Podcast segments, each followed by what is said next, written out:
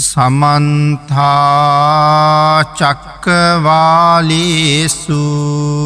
අත්‍රාගච්චන්තු දේවතා සද්ධම්මං මුනිරාජස්ස සුනන්තු සග්ග මොක්කදං ධම්මස්සවන කාලු අයං බදන්තා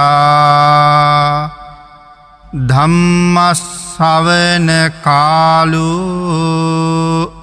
අයං බදන්තා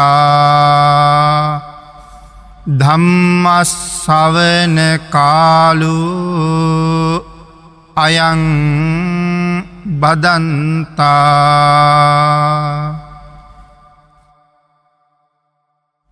නමෝතස්ස භගවතු අරහතු සබ්බ දම්මිසු අප පටිහතඥානචාරස්ස දස බලධරස්ස චතුවේ සාරජ්‍ය විසාරදස්ස සබ්බ සත්තුත්තමස්ස ධම්මිස්සරස්ස ධම්මරාජස්ස ධම්මස්සාමිස්ස තථාගතස්ස සබ්බඥුනෝ සම්මා සම්බුද්දස්ස නමෝතස්ස භගවතු අරහතු සබ්බ ධම්මිසු අපපටිහතඥානචාරස්ස දස බලධරස්ස චතුවේ සාරජ්‍ය විසාරදස්ස සබ්බ සත්තුත් උත්තමස්ස ධම්මිස්සරස්ස ධම්මරාජස්ස ධම්මස්සාමිස්ස තතාගතස්ස සබ්බඥුණු සම්මා සම්බුද්දස්ස නමෝතස්ස භගවතු අරහතු සබ්බ ධම්මේසු අප පටිහතඥානචාරස්ස දස බලධරස්ස චතුවේ සාරජ්‍ය විසාරදස්ස සබ්බ සත්තුත්තමස්ස ධම්මිස්සරස්ස ධම්මරාජස්ස ධම්මස්සාමිස්ස තථාගතස්ස සබ්බඥුණු සම්මා සම්බුද්දස්ස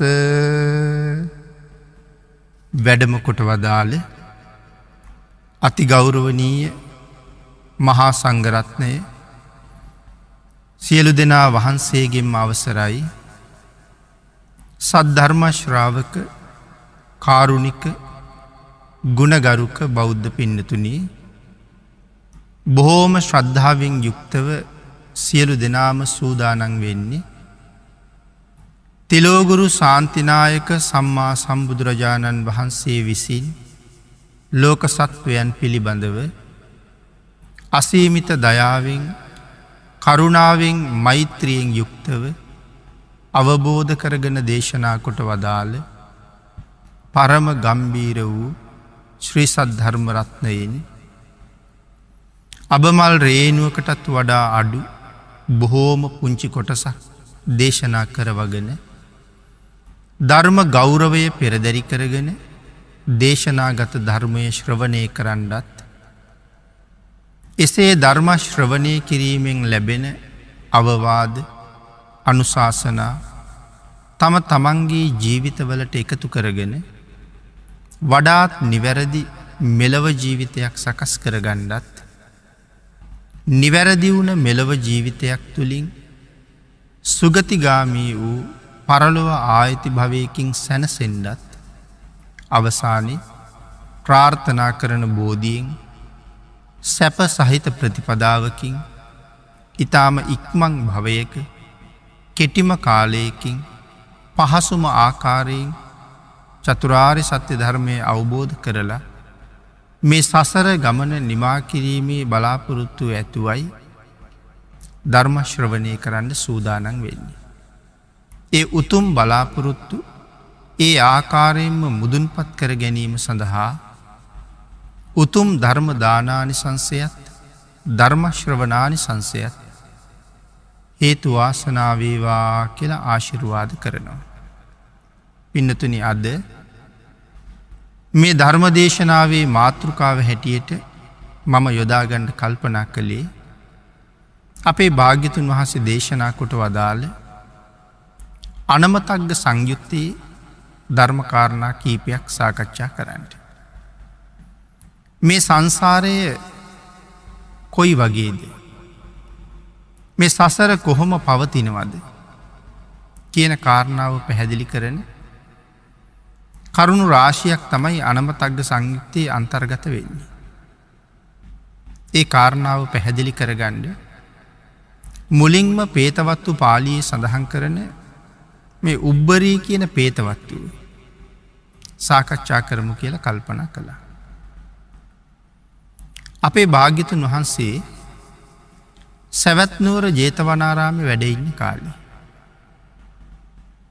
මහා කරුණා සමාපත්තියෙන් ලෝක දහතුව බලා වදාරණ වෙලාවේ බුදුරජාණන් වහන්සේට එදා දකිින්ට ලැබුණ බොහොම ශෝකයට පත්තිච්ච කාන්තාවක්.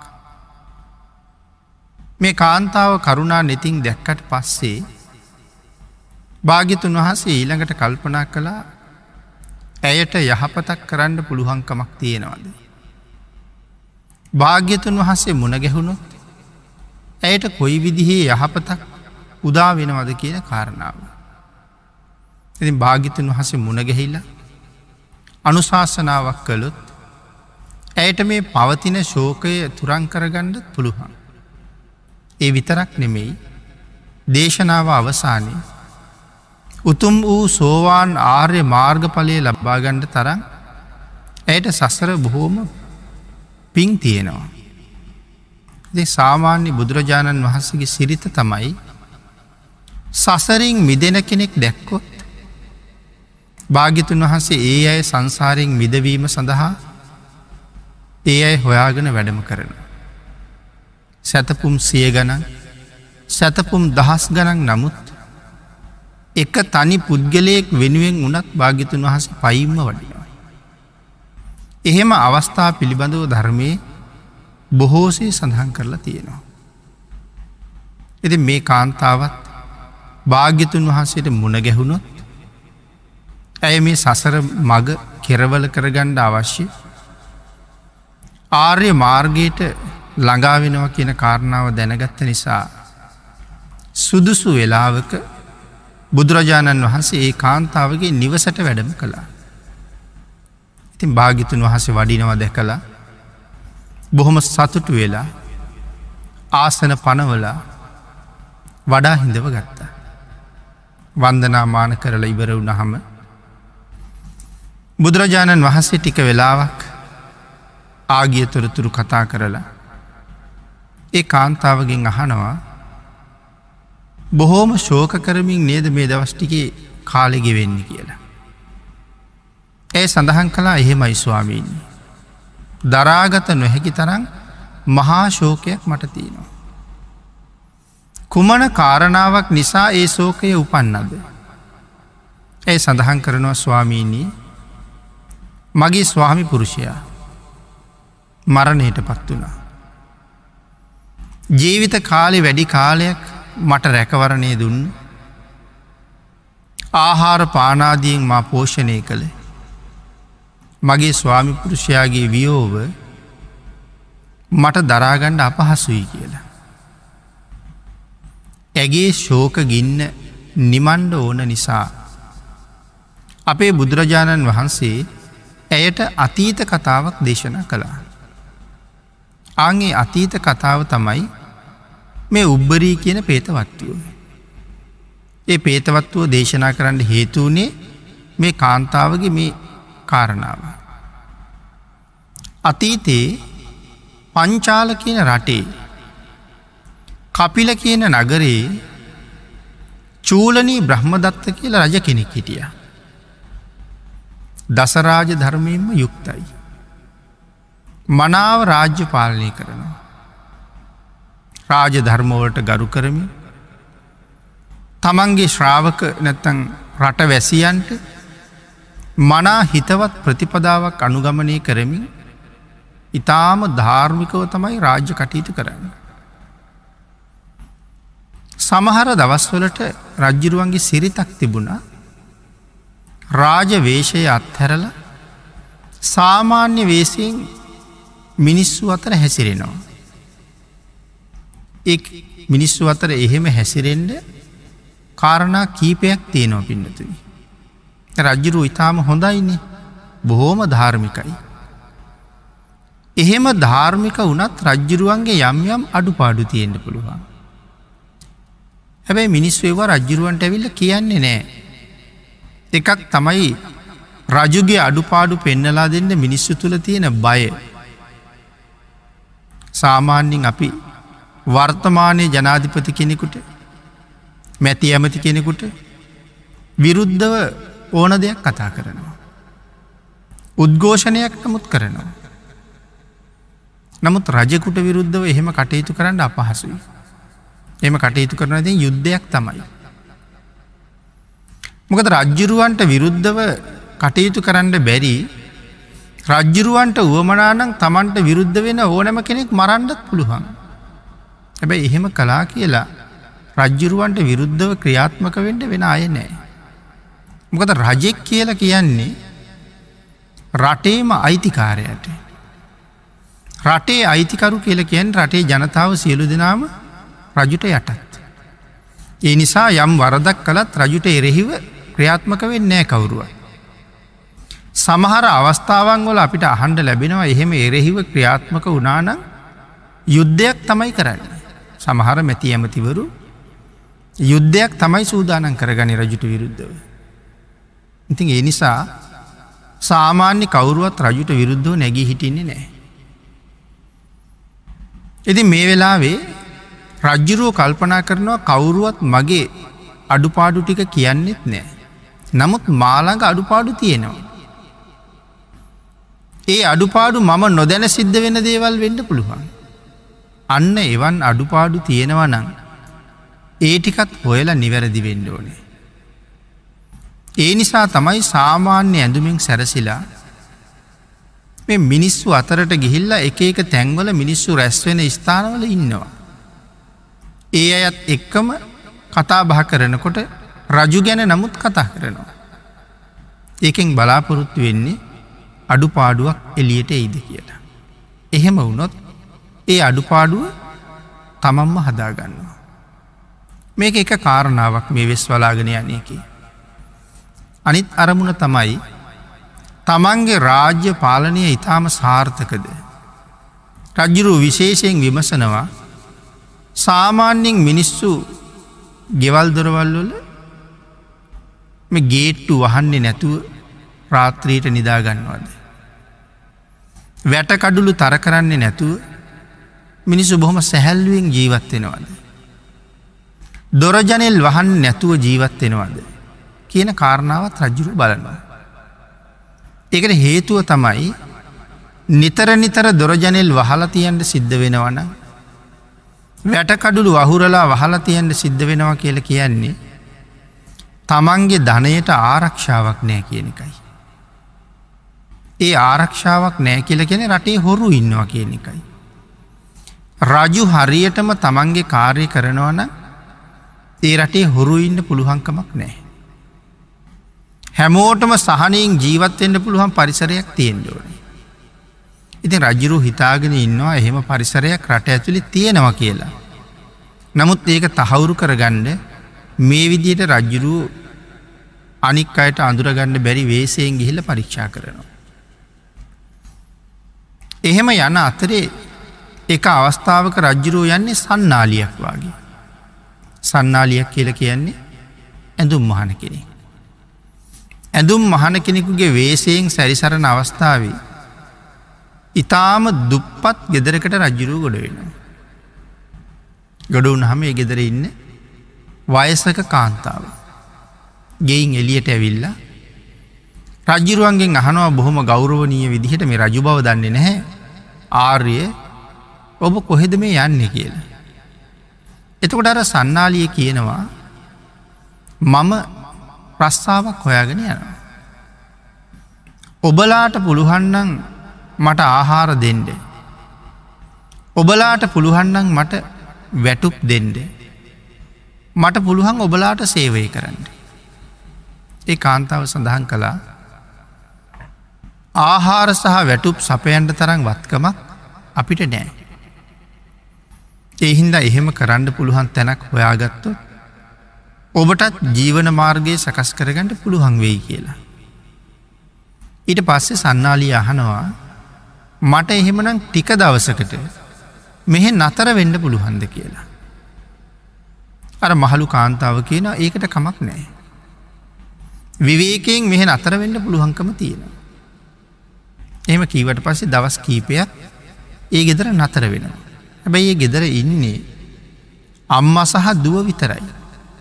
මේ මහළු කාන්තාවට ඉන්නවා ඉතාම පුුණ්්‍යවන්ත දුවක්.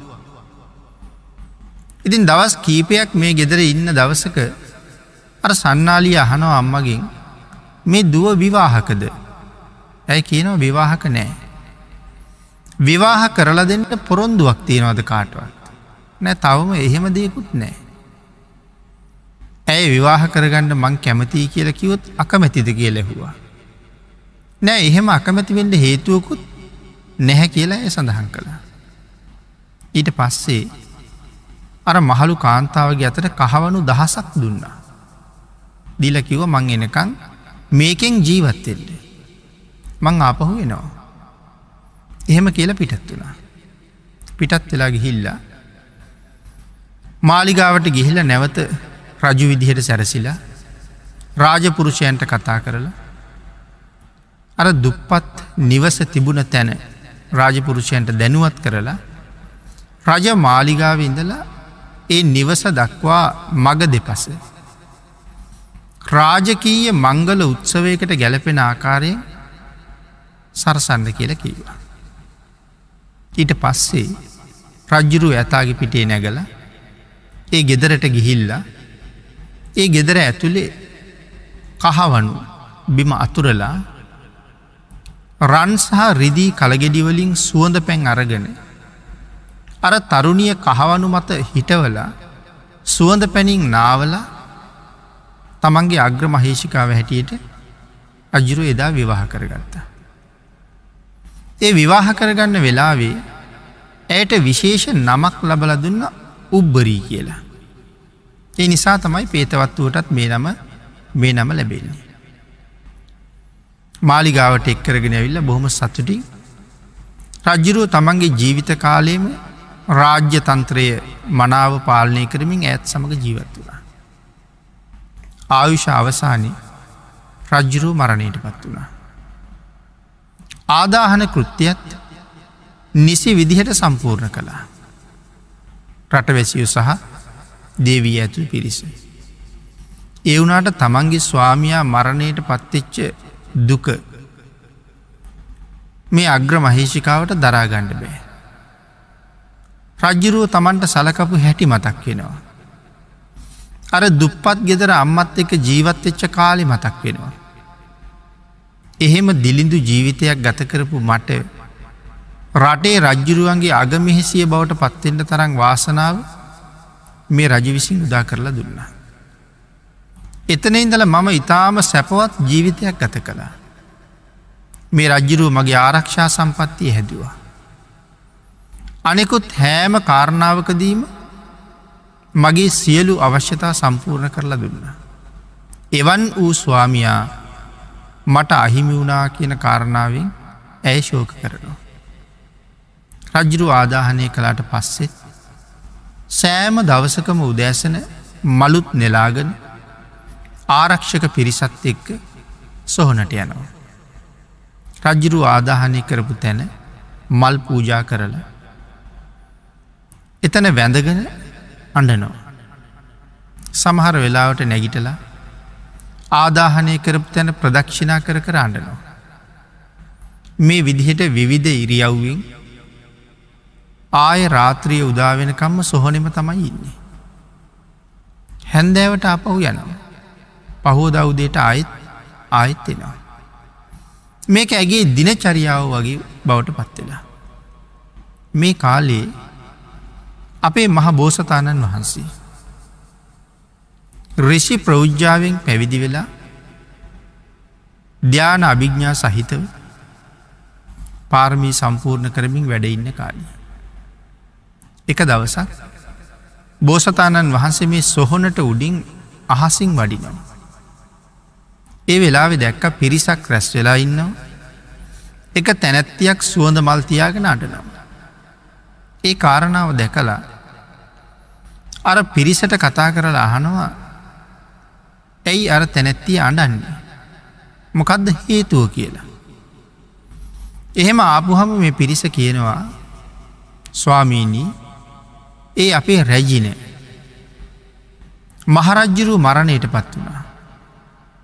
රජ්ජුරුව මරණයට පත්තිච්ච දුක දරාගණ්ඩ බැරුව ඇය සෑම දවසකම මේ සොහොනට ඇවිල්ලා සුවද මල් පූජා කරලා මෙතන ඉඳගෙන අඩනවා. කියල සඳහන් කරහම මේ රිෂිවරය කල්පනා කලා ඇයට කතා කරන්න ඕන කියලා. අතීත ජීවිත ලක්ස ගනන් මේ රිෂිවරයට ආපහු දකින්න පුළුවන්. මේ කාන්තාව ගාවට ඇවිල්ල කතා කරලා අහනවා ඔබ කුමක් සඳහා ශෝක කරනවාද. ඇය සඳහන් කළා ස්වාමීනී පංචාල රටේ මහරජ්ජිරූ. මගේ ස්වාමි පුරුෂය චූලනී බ්‍රහ්මදත්ත මහරජ්ජිරූ. මරණයට පත්වීම නිසා මට ඒක දරාගණ්ඩ අපහසුයි. මගේ ස්වාමයා සිහි කර කර මං හැමදාම මෙතෙන්ට ඇවිල්ල අඩනවා කියලා. මේ වෙලාවේ මේ රිෂිවරය අහනවා පංචාල රටේම රජකං කරපු. චූලනී බ්‍රහ්මදත්ත කියලා නම තිබුණ. රජවරුම අසූ හයදාහක්. ඔබේ ස්වාමයා ආදාහනය කරපු මෙතනම ආදාහනය කරලා තියෙන. මේ රටේමයි රජකං කිරිය. නමත් චූලනී බ්‍රහ්මදත්තම තමා. එතකොට මේ සැරේ මේ අග්‍ර මහේෂිකාවගේ ස්වාමියයා චූලනී බ්‍රහ්මදත්ත රජ්ජිරුවන්ගේ තාත්තා. කවුද ආං ඒ තාත්තගෙම දරුව තමයි මේ අසු හයදාහම. එකම තාත්තගේ පුත්තු. මෙතන ආදාහනය කරලා තියෙන. මේ අසූ හයදාහක් දෙනා රජවරුන්ගේ බිසව වනෙත් වෙන කවුරුවත්ත මේ ඔබමයි. එතොට මේ අසූ හයදාහම ඔබේම ස්වාමි පුරුෂවරු. දැන් එතකොට ඔබ අඩන්නේ මොන ස්වාමයා වෙනුවෙන්ද කියලා හවා. ඒ වෙලා මේ කාන්තාව නැගිට්ට. නැගිටල අහනවා ස්වාමීණී මේසා දීර්ඝ කාලයක් අසූ හයදහස් වතාව මම ඉපදුනේ කාන්තාවක් වෙලාමද කියල හවා. ඒලා රිශිවරය සඳහන් කරනවා අසූ හයදහස් වතාවක් නෙමෙයි නිමක් නැති ආත්මෝල ඔබ ස්ත්‍රීත්වයේ ඉපදිලා තියෙනවා. ඔබ ස්ත්‍රී වෙලා ඉපදුනා විතරකුත් නෙමේ. ඔබ පුරුෂ වෙලත් ඉපදුනා. තිරිසං වෙලත් ඉපදුනා. නිරයලෝකවලත් ඉපදුනා.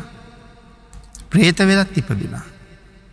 මනුස්ස ලෝකයේ තවත් වෙනත් ස්ත්‍රී පුරුෂාත්මවල ඕන තරන් ඉපදුනා. එවන් සංසාරක චූලනී බ්‍රහ්මදත්තනං රජවරු අසූ හයදාහකගේ බිරිඳ වෙලත් ඉපදුනා. කියල සඳහන් කරහම මේ කාන්තාව රිෂිවරයගෙන් අහනවා අනේ ස්වාමීණී මේසා දීර්ඝ සසරක මෙතරම්ම කාලයක් ස්ත්‍රීත්වයේම ඉපදුනාන. මට මේ ස්ත්‍රීත්වයෙන් මිදෙන්ට මගක් කියල දෙන්න කියලා. ආං ඒ වෙලා මේ රිශිවරයා මෛත්‍රී කර්මස්ථානය කියල දෙනවා. මොක දේකාලි විදර්ශනාව නෑ අබුද්ධෝත් පාද කාලයක්න. නමුත් සමත භාවනා ක්‍රම තිබුණා. ඉති මෛත්‍රී කර්මස්ථානය තමයි ලබා දෙන්න. එතකොට අපේ පින්නතුන් දන්නවා මෛත්‍රී භාවනාවේ ආනිසංස එකොළහක් තියෙනවා. එහි අවසාන ආනිසන්සේ හැටියට සඳහන් කරන්නේ සිහි මුලාවක් නැතුව කලුරිය කරන්න යෙදුනොත් බඹලෝ උපත්තිය ලබනවා. එක ඇන මෛත්‍රී භාවනාව ධ්‍යාන මට්ටමට ප්‍රගුණ කරපු කෙනෙක්. ඉති මෛත්‍රී කර්මස්ථානය ලබල දුන්නහම මේ රාජ මහේෂිකාව එදා ඉඳල සොහොනට ඇවිල්ල ශෝක කරන්න කටයුතු කළේ නෑ. හැබැයි ඇය මෛත්‍රී සිත හොඳට වැඩුවා. මරණයෙන් පස්සේ ස්ත්‍රීත්වය අතහැරල බඹලෝ උපත්තිය ලැබුවා. බ්‍රහ්ම ලෝක ස්ත්‍රී පුරුෂ කියලා බේදයක් නෑ. මේ මේ කාරණාව අපේ බුදුරජාණන් වහන්සේ අර සැවැත්නුවර ශෝක කරමින් හිටපු කාන්තාවට එදා දේශනා කළා. මේ සංසාරි කොච්චර දිගද. මේ ස්වාමි පුරුෂයාම ඔබට කීවතාවක් මීට කලින් ස්වාමිය හැටියට මුණගහිල තියෙනවද. මොහු වෙනුවෙන් සසර ඔබ හලාපු කඳුළු මහාසාගර ජලයට වඩා වැඩි. මේක තවත් භවයක් පමණයි. නැවත සංසාරයෙන් මිදෙන් නැත්තම් ආයෙත් කවදහරි දවසක මොහුම මුණ ගෙහෙනවා. මේ ආදී කාරණාවල් පැහැදිලි කරලා ධර්මදේශනාව කරහම අර කාන්තාව සෝවාන් වෙනවා. එතකොට පින්නතුන මේ කාරණාවෙන් අපිට යම් ප්‍රමාණයක අවබෝධයක් ලැබුණ මේ සංසාරය කොච්චර දිගයි දෙහෙමන කියන කාරණාව. අපේ බුදුරජාණන් වහන්සේ අනමතක්ග සංයුක්තයේ දේශනා කොට වදාලේ බද්ධ වගීය භික්‍ෂූන් වහන්සේලාටන ඒ කාරණාව මංහිතන්නේ අපේ අය දන්නවා. අපි කියන බද්ධ වගීය කුමාරවරු. බුදුරජාණන් වහන්සේ මුණගැහිලා පැවිදි වුණා. පැවිදි වෙලා එක වස්කාලික. බුදුරජාණන් වහන්සේ වැඩඉන්න තැනක වස් සමාදන් වෙමු කියලා මෙ තිස් දෙනාම බුදුරජාණන් වහන්සේ හොයාගෙන පිටත් වුණා. නමුත් බොහෝ දුර තමන් හිටපු ප්‍රදේශයඉදලා. බුදුරජාණන් වහන්සේ වැඩඉන්න තැනට ළඟාවෙන්ඩ නම් තවත් දවස් හයක් කල් තියලා ඇසල පෝය උදා වුණා.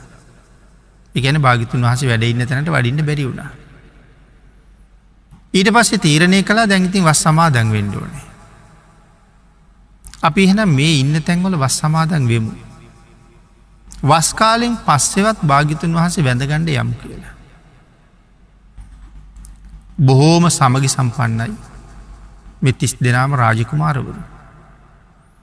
නමුත් ශාසනයට ඇවිල්ලා ඉතාම සමගියෙන් බොහෝම සතුටින් බ්‍රහ්ම චරියාව සම්පූර්ණ කරමින් මේ වස්කාලය මනාව ගත කළා.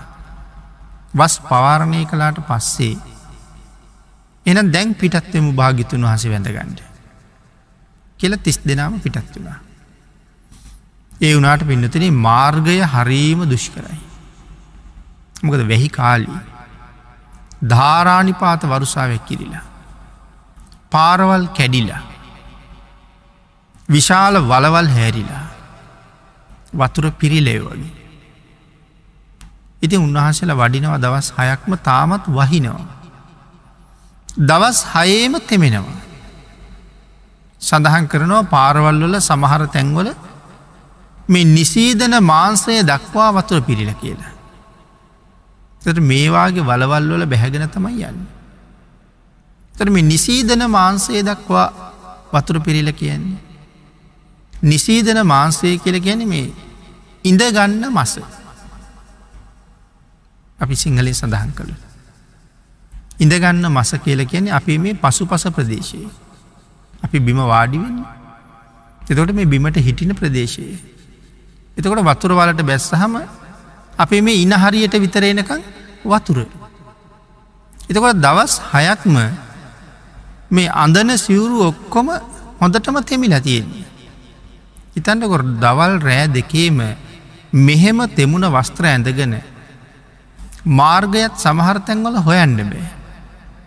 සමහර කඳු සහ පල්ලං තියෙන තැන් නගින්ඩත් අමාරුයි. ඇයි මඩරොල්ල ඇවිල්ල තැන්පත් වෙලා හරියට ලිස්සනවා. ඉහලට නගින කොටත් එහෙමයි පහලට බහින කොටත් එහෙමයි. මේවාගේ නොයෙක් දුෂ්කරතා මධ්‍යයේ තමයි දවස් හයකින් බුදුරජාණන් වහන්සේ ළඟට ළඟාවෙන්න. ළඟා වෙලා වන්දනා කරලා එකත් පසක වාඩි වුණාට පස්සේ. අපේ භාගිතුන් වහන්සේ වස්කාල ගැන ඇහුවා. ස්වාමීණි බොහෝම සතුටින් අපි මේ වස්තුම්වාසය ගත කළා. අපි පිටත් වනේ භාග්‍යතුන් වහසේ වැඩඉන්න තැනක වස් සමාදන් වෙන්ඩ. නමුත් අපිට ඒකට අවස්ථාව ලැබුන්නේ. වස් පවාරණය කරලා භාගිතුන් වහස වැඳගණ්ඩයි අපි මේ වැඩිය. කියන කාරණාවත් භාගිතුන් වහසට මතක් කරලා. මහනෙනි වස්කාලයේ සුවසේ ගෙවුනද. ස්වාමීණි වස්කාලය නං සුවසේ ගෙවුණා. නමුත් ස්වාමීණී වස් පවාරණය කරලා දවස් අයක් මේ ආපු මග ගෙවාපු කාලයේ ජීවිතයේ පරම දුකක් වින්ද කියල සඳහන් කළා. මේ දවස් හය ඇතුළි. අන්න ඒ වෙලාවෙ තමයි අපේ භාගිතුන් වහසේ අනමතක්ග සංයුක්තය දේශනා කරන්නේ මහනෙන මේ දවස් හයක් තිස්සේ ගෙවාපු විඳපු දුක ඒක දුකක්ද කියන කාරණාව පැහැදිලි කරන්නට. භාගිතුන් වහස දේශනා කරනවා මේ සංසාරය විදගෙන එනකොට ඔබලා තිරිසං වෙච්චාත්ම සීමාවක් නෑ. එතකොට පිනතින ඒ තිරිසං වුණේ ඒ තිස් දෙනා වහන්සේ විතරද අපි හැමෝම තිරිසං වෙච්චාත්මවල සීමාවක් නෑ. ඒ තිරිසං වුණ ආත්මවල අපේ බෙල්ල කපාපු තැනින් ගලාගෙන ගියපු රුදිරය භාගිතුන් වහස දේශනා කරනවා මහා සාගරයේ ජලයට වඩා වැඩී කියලා. එකන හරකෙක් වෙලා ඉපදිච්චාත්මික මහසාගරයේ ජලයට වඩා වැඩියෙන් ලේසාගරයක් හැදෙන්ට තරන් මම ආත්ම කීයක හරකෙක් වෙලා ඉපදිලා තියෙනවාද. ඔබ අපි සියලු දෙනාගම ගැන තමයි භාගිතුන් වහස මේ පැහැදිලි කරන්න. ඒක සංසාරය හැටි එකයි සසර දුකයි කියලා දේශනා කළේ. ඒවුණට අද හිතල බලන්ඩකු. ඉතාම උසස් ප්‍රභූවරයෙක් ගාවට ගිහිල්ලා මතකද මීහරකෙක් වෙලා හිටපු කාලි කියල ඇහුවොත් අපිට කොහොම ප්‍රතිචාරය කම්බවීද. පිළිගන්න කැමතිනේ. නමුත් මීහරක් වෙලා ඉපදිලාම අනුන් විසින් බෙල්ල කපාපු වෙලාවෙම ගලාගෙන ගියපු රුදිර ධාරාව තමයි සාගර ජලයට වඩා වැඩී කියල දේශනා කරන්න. එතකොට එලුවෝ වෙලා බැටලුවෝ වෙලා මේවාගේ මසට යොමුවෙච්ච සත්තු වෙලා ඉපදිලා කොයි තරං සසරලේ හලන්න ඇද. එළුවෙක් වෙලා ඉපදි චාත්මෝල බෙල්ල කපහම ගලාගෙනගේ පුරුදිරයත් සාගර ජලයට වඩා වැඩි. එලු වගේලේ. බැටලුවෙක් වෙලා ඉපදි චාත්මොල බෙල්ල කපක් වෙලාවෙ ගලාගෙනගේ පුරුදිරයත් සාගර ජලයට වඩා වැඩි. ඌරෙක් වෙලා ඉපදිලා බෙල්ල කපහම ගලාගෙනගේ පුරුදිරයත් සාගර ජලයට වැඩි. එතකොට එක සත්වයෙක් හැටියට අවස්ථා කීයක් නම් මේ සංසාර ඉපදිලා තියෙනවා. සාගර ජලයට වඩා වැඩියෙන් ලේ තිබුණ කියල සඳහන් කරහම මේ කාරණාව හරියටම තේරෙන්ට පින්නතින අපට සාගරයේ තේරෙන්න්නත් ඕනෙන ද අපි සාගරයේ දැකල තියෙනවා. නමුත් සීමාවක් නෑ සාගරයේ ගැඹුර දන්නේ නෑ. ප්‍රමාණය දන්නේ නෑ සීමාව දන්නේ නෑ මහසාගරය කියල විතරයි අපි කියන්නේ අපේ රට වටේටත් සාගරයේ තියෙනවා. ඉතින් වෙරලට ගිහිල්ල බලහම අපිට ටික දුරයි පේන්නේ. ඊට පස්ස පේන්නේ අහසයි මුහුදයි එකට ගෑවෙනවා වගේ. එතනින් එහාට අපිට පේන්නේ. නමුත් එතෙන්ට ගිහිල්ල බැලුව නැවත ඒවන්ම දුරකින් ආයිත් පේන්නේ වගේ. අපි ජීවත්වෙන ලෝකයේ සාගර ගොඩක් නැහැනි පින්නතුනි. එක සාගරයයි තියෙන්නේ. හැබැයි තැන්තැන්වල ඒ සාගරය හඳුනා ගැනීම සඳහා යොදාගත්ත නං තියෙනවා. මහපොළොවත් එහෙමයි. එක පොළොවයි තියෙන්නේ හඳුනා ගැනීමේ පහසුව උදෙසා විවිධ විවිධ නංවලින් කොටස් කොටස් හඳුන්වලා තියෙනවා. සාගරෙත් එහෙමයි. අපේ රටවටේ තියෙන සාගරයට අපි කියනවා ඉන්දියන් සාගරය කියලා. පැසිපික් සාගරය කියනවා. අත්ලාන්තික් සාගරය කියනවා. නමුත් මේ එකම සාගරයේ තමයි තැන්තැන්ගොල කොටස් වලට බෙදිල තියෙන්නේ. ඉතින් එතකොට හිතන්නකු ඈත කෙරවලේ ඇන්ටාක්ටිකාව දිහාවට යනකං මේ සාගරයේ මොන්න තරං නං ජලකඳක් ඇද්ද කියලා. කවුරුවත් කීවෙන යන මෙච්චර සාගරයේ ගැඹුරයි කියලා. විද්‍යාඥයෙක්වත් සාගරයේ ගැඹුර මෙ පමණයි කියලා තහවුරු කරන්නේ නෑ. තහවුරු කරන්න බැරි නිසා. හැබැයි තිලෝගුරු භාගිතුන් වහන්සේ සාගරයේ කොච්චර ගැඹුරුද කියන කාරණාව බුද්ධ දේශනාවෙන් අපිට පැහැදිලි කරලා තියෙනවා. කොයි තරං ප්‍රමාණයක් විතර යොදුන් අසූ හතරදාහක් ගැඹුරුයි කියල කියන්නේ. ඉතින් යොදුනකට සැතපුම් කීයක් තියෙනවද. කියන කාරණාව බලල අසූ හතරදාහෙන් ගුණ කරහම සාගරයේ ගැඹුර සැතපුම් ලක්ෂ ගානක් කෙනවා. එතකොට හිතන්න මොන ජලස්කන්දයක්ද කියල.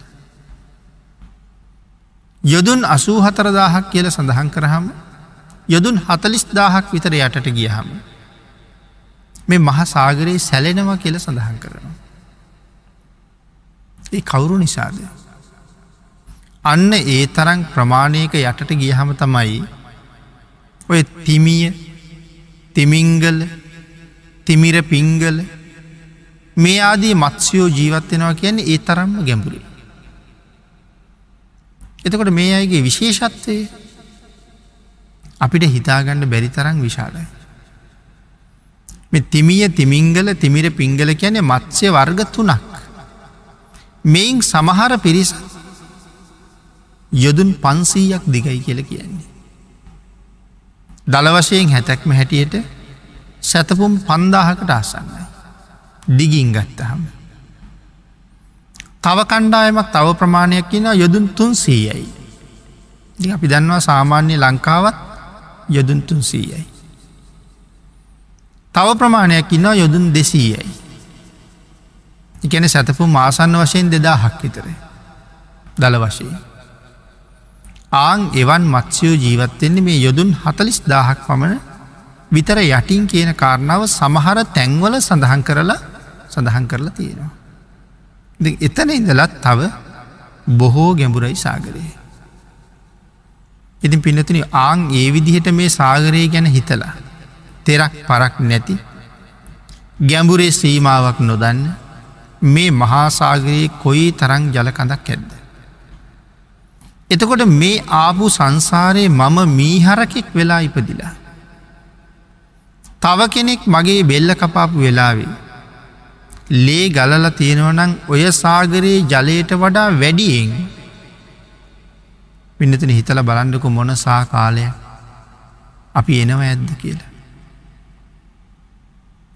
කීර සූත්‍රයත් භාගිතුන් වහස අපූරු උදාහරණයක් දෙක්වන්නේ. එකම අම්මගෙන් බීපු කිරි මේ සාගර ජලයට වඩා වැඩී කියලා. මනුෂ්‍ය වෙලා ඉපදිලා අපි කියමු අම්මගේ නම සුමන කියල මේ සංසාරයේ මේ අම්මම සුමනා කියන නමින්ම මට හම්බ වෙලා ඇගෙන් වීපු කිරි ප්‍රමාණය තමයි සාගර ජලයට වඩා වැඩී කියල කියන්නේ. එතකොට මේ අම්මම වෙනත් නමකින් මට හම්බ වෙලා නැතුව ඇද්ද සංසාරය. ඒක ගැන නෙමෙයි කතා කරන්නේ. අදත් ඇගේ නම සුමන පෙරත් ඇය සුමනා නමින්ම ඉපදිච්ච කාලේ මම ඇගේ පුතා වෙලා ඇගෙන් බීපු කිරි ප්‍රමාණය සුමනගෙන් බීපු කිරි ප්‍රමාණය තමයි සාගර ජලයට වඩා වැඩී කියල කියන්නේ. එතකොට තිස්සා නමින් අම්ම කෙනෙකුගේ පුතා වෙලා ඉපදිලත් එහෙමයි. ඒ නිසා භාගිතුන් වහස දේශනා කරනවා මහනින මේ සංසාරයේ කොයි තරන්නන් දිගයිද. අනම තක්ගෝයන් භික්කවේ සංසාරූ පුබ්බා කෝටීන පඤ්ඥායිති. මහනෙන මේ සසර පෙර කෙරවල පණවන්ඩ බෑ. ඒ පණවන්ඩ බෑ කියල කියන්නේ. සරුවඥ වූ සම්මා සම්බුදුරජාණන් වහන්සේ වත් ඒ පෙර කෙරවල දකින්නේ නැහැ කියන එකද. භාගිතුන් වහස දන්නවා. අපි ඉපදිච්ච වාරගාන පවා භාගිතුන් වහස නොදන්නවනිමි. එතකොට පණවන්ඩ බෑ කියල කියන්නේ.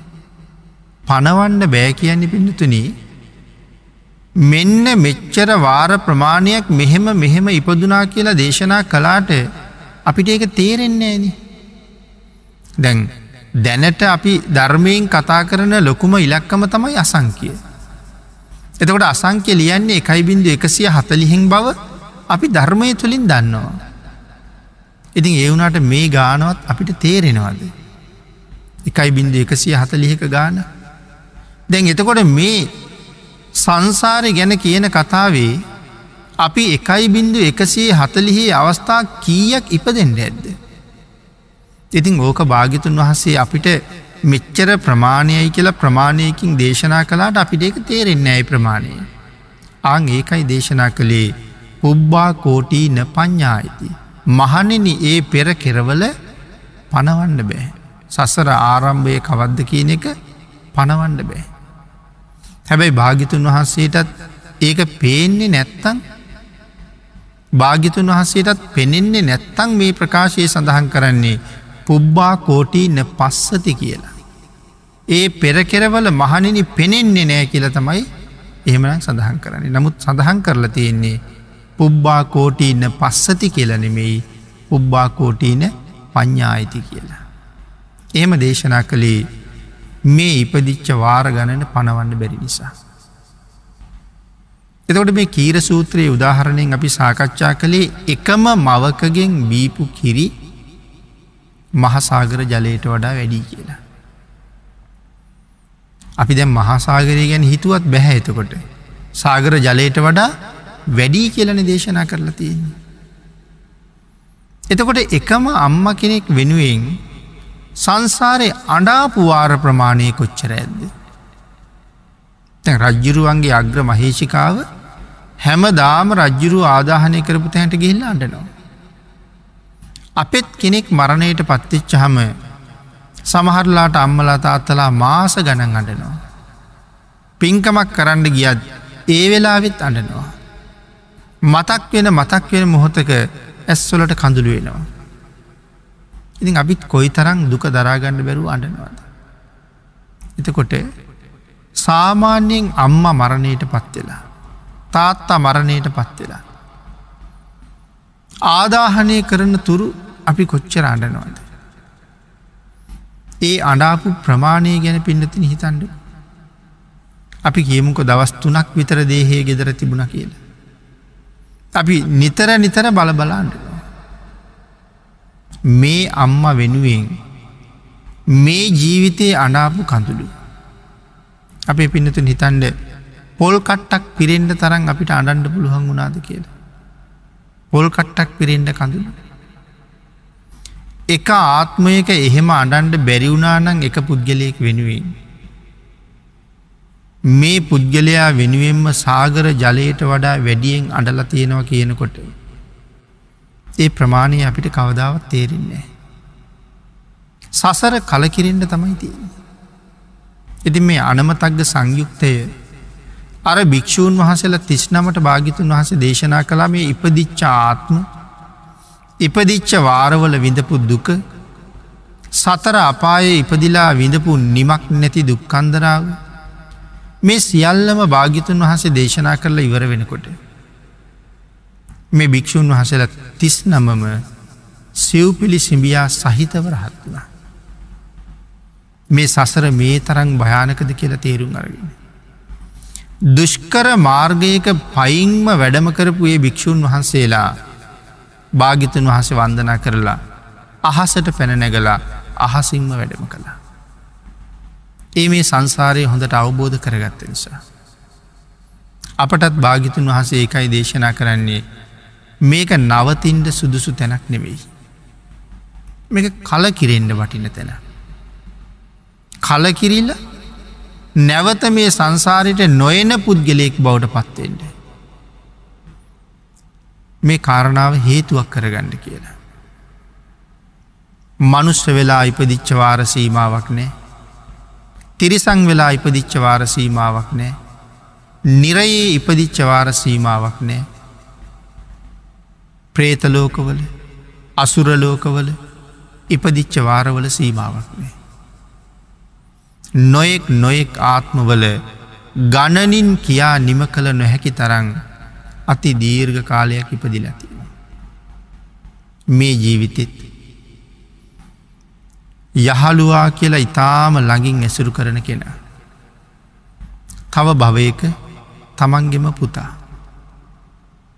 තව භවයක අද යහළුවා.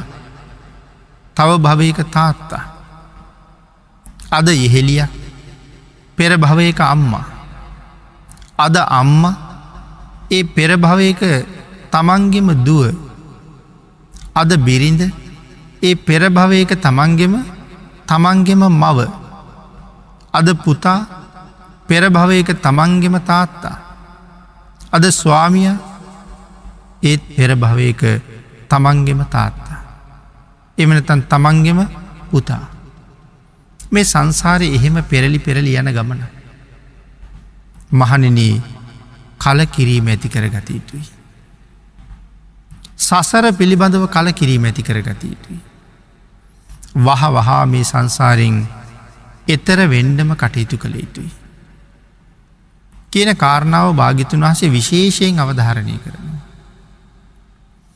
මේ සසර ගමන තුළ අපි ඉපදිච්ච ආත්මෝලින් ඇටකෝටු නැතුව ඉපදිච්චවාර වැඩී කියල සඳහන් කරන්නේ. ඇටකෝටු ඇති සත්තු වෙලා උපදිනවට වඩා ඇටකෝටු නැති සත්තු හැටියට ඉපදිච්චවාර වැඩි. පනු පළඟාදී සත්තු වෙලා ඉපදුනාම වැඩි. ඉතින් ඒ කාරණාව හිතල බලහම පින්නතුන අපි ආත්ම කීයක් නං ගැඩබිල් පනුව වෙලා උපදින්න ඇද්ද. ගස් කොළංගොල තන කොළ මත ජීවත්වෙන ඒ වර්ණයටම සමාන වර්ණගත්ත විවිධ පනුවර්ග ඕන තරන් අපි දැකල තියෙනවා. සමහර සත්තු දැක්කහම අපිට ඇතිවෙන්නේ මහ පුදුම පිළිකුල. නමුත් ඒ පිළිකුල් සත්වයාගේ ආත්මය තුළ මමත් එවන් සතෙක් වෙලා ජීවත් එච්ච ආත්ම ගණන නිමක් නෑ. මත් එතන හිටි යවෝන තර. නොයෙක් සත්තු නොයෙක් රෝගාබාදවලට ගොදුරු වෙලා ළඟට කිට්ටුවෙන්ට බැරි තරං දුර්ගන්ධයි අපි එහෙම දුක් පිඳපු වාර සීමාවක් නෑ. ඉතින් ඒ නිසා අපි සමහරට හිතල බාණ්ඩකු පිඳතන දැන් දැන් පාරය යනකොට එක්කවා සුචි ගොඩක් ඒම නැත්තං මලකුණ පාරයිනි තිබුණහම ඇහැට ගැටුනේ නැතත් දුර්ගන්ධය දැනෙනවා. නමුත් ඇවිදගෙන යනකොට එක පාරම අපිට සද්ධයක් ඇහෙනවා මැස්සෝ ගොඩක් එක තැනකින් ඉගිලෙනවා. වටපිට බලහම ඒ ළඟම තියෙනවා කුණුවුණ මලකඳ සතෙකුදී. එමතන් අසුචි ගොඩක්. එතකොට මට ඇතිවෙන්නේ පුදුම පිළිකුල.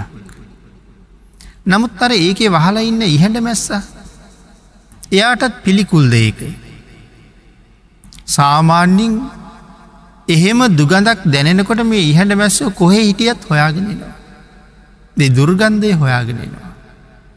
ඇවිල්ල ඒ මත වහලා බොහොම සතුටින් එයම අනුභව කර කර ජීවත්වෙනවා. මටත් අද ඒක පිළිකුල් වුනාට මේවාගේ ඉහට මැස්සෙක් වෙලා ඉපදිච්ච ආත්ම කොච්චරක් ඇද්ද. මලකුණු උඩ වහලා ඒ දුගඳ ආග්‍රහණය කර කර ජීවත් එච්ච කාලි. උකුණෙක් වෙලා මකුණෙක් වෙලා කූම්බියෙක් වෙලා ඉපදිච්ච වාරෝල නිමක් නෑ පින්නතුනි අද මෙහෙම හිටියට. සසර භවයෙන් වැහිල නිසා පෙර භවය කොහොමද කියන කාරණාව තේරෙන්නේ. ඔවන් සංසාරික මනුස්ස ජීවිතයක් අරගන්නවා කියන එක ඉතාම දුර්ලභ කාරණාවක්. ඉතාම දුෂ්කර කාරණාව. එතකොට භාගිතුන් වහසේ මේ සංසාරින් එතරවෙන්ඩ කියලා අපිට අනුශාසනා කලාට මේ සසරින් එතරවෙන්ඩ නං හොඳට ප්‍රඥාව තියෙන මෙවන් ජීවිතයක්ම අවශ්‍යයි. සම්මා දිට්ටික වූ මනුෂ්‍යයකුට විතරක් ඒ කාරණාව කරන්න හරි පහසුයි. ඇත ලෝකෙ මිනිස්සුත් ඕන තරන් ඉන්නවා. හැමෝම සම්මාධිට්ටික නෑනේ. ඉතින් සම්මාධිට්ටික නැති කෙනෙකුට මනුස්ස ජීවිතයක් ලැබිල තිබුණත් මේ දහමෙන් ප්‍රයෝජනයක් නෑ.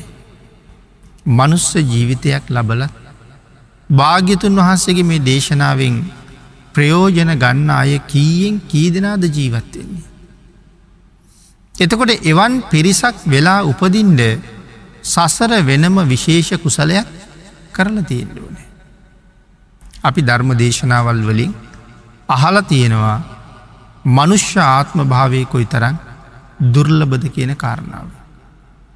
අපේ භාගිතුන් වහසේ උදාහරණ දෙකක් පැහැදිලි කරලා තියෙනවා සූත්‍ර දෙකක. එකක් තමයි බාල පණ්ඩිත සූත්‍රයේ. අපි හැමෝ මහලතියන අර වියගහේ උපමාව. එක සිදුරක් තියෙන වියදඩුවක් සාගරයට වැටිල තියෙනවා. සාගරයේ පතුලේ ජීවත්වෙන කණ කැස්බෑවික්.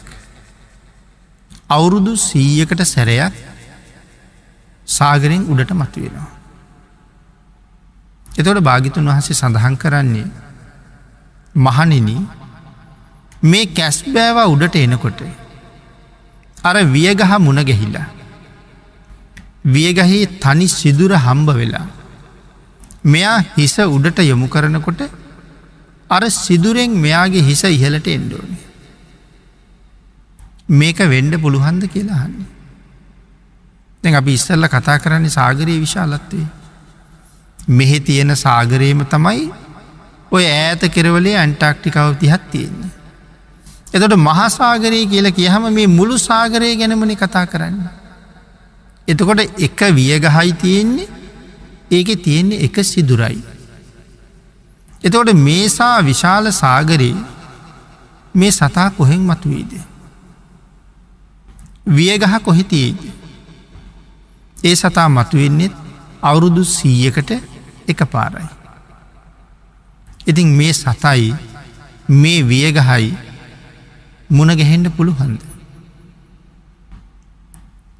නොහැකිමයි කියන කාරණාව තමයි කියන්න වෙන්න. හැබැයි එහෙම වනාට මේ ලෝකයේ ඉතා අහඹු සිදුවී මෝන තරන් තියෙනවනේ. ආං ඒවාගේ අහඹුවක් හැටියට වේගහයි කැස් බැවයි මුණ ගැහෙන්න පුළුවන්. එක ඉතාම අහඹු සිදුවීම. උදාහරණ හිතල බලන්නකු නැවත නැවත. භික්‍ෂූන් වහන්සේලා භාගිතුන් වහසට පිළිතුරු දෙනවා ස්වාමීණී ඉතාමත්ම කලාතුරකින් එක වෙන්න පුළුවන්. අපේ භාගිතුන් වහසේ දේශනා කරනවා මහනින ඒ ඉතාම කලාතුරකින් සිද්ධවෙන්ඩ පුළුවන් කාරණාව. මම දේශනා කරනවා සුලබව සිදුවෙනවා කියලා. එකැන මේ සිද්ධිය නිතර නිතර වෙනවා කියන එක නෙමෙයි. කලාතුරකින් වෙන කාරණාව මේ සංසාරය හැටියට සුල බයි කියල සඳහන් කරන්න නිතරම සිද්ධ වෙනවා වගේ. නමුත් මනුස්ස ජීවිතයක් ලබල ඉන්න කෙනෙක්. සතර අපායක ඉපදුනුත්. ඔහුට නැවත මනුස්ස ජීවිතයක් ලැබෙනවා කියන එක ඊට වඩා පරම දුර්ලභ කාරණාවක් හැටියට දේශනා කරන. ඊළඟට භාගිතුන් වහස නැවතත් පැහැදිලි කරනවා. මේ මනුස්ස ජීවිතය එතරම්ම දුර්ලබයි. එතරම්ම දුර්ලභ වූ මනුස්ස ජීවිතයේ සම්මා දිට්ටික ජීවිතයක් බවට පත්කරගණ්ඩ සසරය කරගත්ත මොන තරං පුුණ්‍ය ශක්තියක් තියෙන්ඩෝ නැද. සම්මා දිට්ටිකයි කියල කියන්නේ කර්මයයි කර්මඵලයයි පිළිගන්නවා. භාගිතුන් වහසගේ දේශනාව සැක නොකර එලෙසිම්ම භාරගන්නවා කියන එකයි. අපි අතරත් සමහර පිරිස්සින්නවා යම් ප්‍රමාණයක් හරි කියල පිළිගන්නවා එතනින් එහාට සමහර කරුණු භාරගණ්ඩ කැමති කැමති නෑ. එහෙම අකමැතියි කියල කියන භාගිතුන් වහසගේ දේශනාවට විරුද්ධයි කියන එකයි. ඉතින් භාග්‍යතුන් වහන්සේ පැහැදිලි කරපු ධර්මකාරණාවට අකමැති නං ඔහුට ලෞකික සරණාගමනය පිහිටන්නේ පිහිටන්නේ නෑ. බුද්ධ රතනය ගැන සැකයි. එනම් මේසා දීර්ඝ සසරක සම්මාධිට්ටික මනුස්ස ජීවිතයක් ලබල ඉපදුන හම ඒ ජීවිතත් ඉතාම සුළු කාලයයි පවතින්නේ. නිරයක ආවුෂයි දෙව්ලෝක ආවුෂයි එක කල්පනා කරලා බලුවත්. අපි මේ ගෙවන ජීවිතය හරිට නිකං ඇහි පිල්ලමක් ගහනවා වගේ කාලයක්. නිරයෙයි දෙව්ලවයි ආවිෂත් එක්ක සසඳනකොට. මොකද දෙව්ලව ආවිෂයටත් වඩා නිරේ ආවිෂ ඉතාම වැඩී පින්නතින. අන්තිම දිව්‍යලෝකෙ තමයි හයවෙනි දිව්‍යතලේ හයවෙනි දිව්‍යතලේ ආයුෂ ප්‍රමාණය පරණිමිත වසවර්තිී. මනුස්ස වර්ෂවලින් නමසය විසියෙක් කෝටි හැට ලක්ෂයක් කියල සඳහන් කර. මනුස්ස වර්ෂය නමසය විසියෙක් කෝටි හැට ලක්ෂයක්. එතකොට හයවෙනි අපාය හයවෙනි අපායට මේ නමසය විසියෙක් කෝටි හැට ලක්ෂය එක දවසයි කෙල සඳහන් කරන්න. නමසය විසියෙක් කෝටි හැට ලක්ෂය වුවත් තිහක් ඒ අපායට මාසයයි. එවන් මාස දොළහක් ඒ අපායට අවුරුද්දයි. එවන් අවුරුදු විශාල ප්‍රමාණයක් එහාට ආවිශයි. එතකොට දෙව්ලව ආවිෂයට වඩා ඉතාම දීර්ඝාවිෂයක් නිරේ තියෙන. එවන් නිරයක උපත්තිය ලැබුවොත් කවද නිදහස් වෙන්නද. තව නිරේවල් තියෙනවනේ හත අට කියල තව දෙක. අපි හයවෙනි නිරේ ගැනෙන කතා කළේ. ඉතින් හත්වෙනි නිරේ අටවෙනි නිරේ අවිීචිය. අටවෙනි නිරේ ආයුෂ සඳහන් කරලා තියෙන්නේ අන්තර්කල්ප එකයි කියලා. එතට අන්තර්කල්පයක් ත්‍රිපිටකයට පරිබාහිර අපේ තවත් නොයෙක් ධර්ම ග්‍රන්ථ තියෙනවා. අන්න ඒ ධර්ම ග්‍රන්ථවල සඳහන් කරලා තියෙනවා අන්තර් කල්පයකට කොච්චර අවශ්‍ය තියෙනවාද කියලා. ඒ ග්‍රන්ථවලට අනුව මනුස්ස වර්ෂය අසංක්‍ය අසූ හය ලක්ෂ හතලිස් දාහක් අවීචයට අවශ්‍යයි. අන්න ඒක නිසා තමයි සඳහන් කරලා තියෙන්නේ. මනුස්ස ලෝක ජීවත් වෙන කෙනෙක් මේ සතර අපාය කොහැරි ඉපදුනොත්. නැවත මනුස්ස ජීවිතයක් ලබාගන්නවා කියන එක කන කැස්බෑව වියසිදුරෙන් අහස බලනවටත් වඩා පරම දුර්ලභ කාරණාවක් කියලා. නිරයෙන් නිදහස් වෙලා ප්‍රේත ලෝකෝල උපදිනවා. දැ මේ කතා කිරුවේ නිරේයාවුෂ විතරණ. එතකොට එහෙන් නිදහස් වෙලා ප්‍රේත ලෝකවලටෙනවා.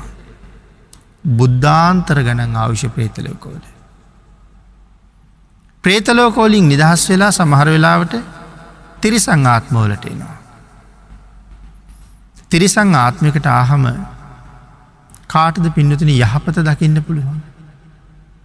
කාටද පින් කරන්න පුළුවන්. කොහොම නිදහස් වෙන්නද. අපේ බුද්ධ කාලෙත් තිරිසං ලෝකෙන් අතමිදුන තිරිසන්නු කීප දෙනෙක් ගැන විතරයි සඳහන් කරලතියෙන. ඉතින් මේ කාරණාටික හරියට හිතුවොත් කන කැස්බෑවා වියසිදුරෙන් අහස බලනවට වඩා කොයි තරං දුර්ලබද මනුස්ස ජීවිතයක් ලබන එක. නමුත් අපිට අද සතුටුවෙන්ඩ පුළුවන් එවන් දුර්ලබයි දුෂ්කරයි කියලා භාගිතුන් වහස දේශනා කරපු මනුස්ස ජීවිතයක් අපිට ලැබිල තියෙනවා.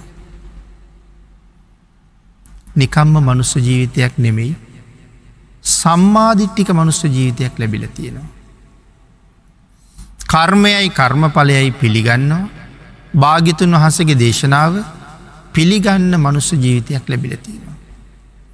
හැබැයි ඉතාම කෙටි කාලිකට. මේ ලෝකයේ මනුස්ස ජනගහනය අතර සම්මා දිට්ටික ජීවිතයක් ලබන්ඩ පින්නතුන විශාල වශයෙන් කුසල් අවශ්‍යයි. අපි මේ ජීවිතය අරංතියෙන්නේ පෙර කරපු පින් විශාල වශයෙන් වියදන් කරලා පින් වියදැන් කරලා. අපට ධර්මකාරණා ගැන සැකමතුවෙන අවස්ථා තියෙනවා. සාමාන්‍යින් බණහන අයට හරියටම කරුණුකාරණා නොදන්නවනම් සැකමතුවෙනවා. බාණ්ඩුක අපේ ධර්මයම භාග්‍යතුන් වහන්සේම දේශනා කරන මේ පන්සිල් ආරක්ෂා කරන එකේ ආනිසංස.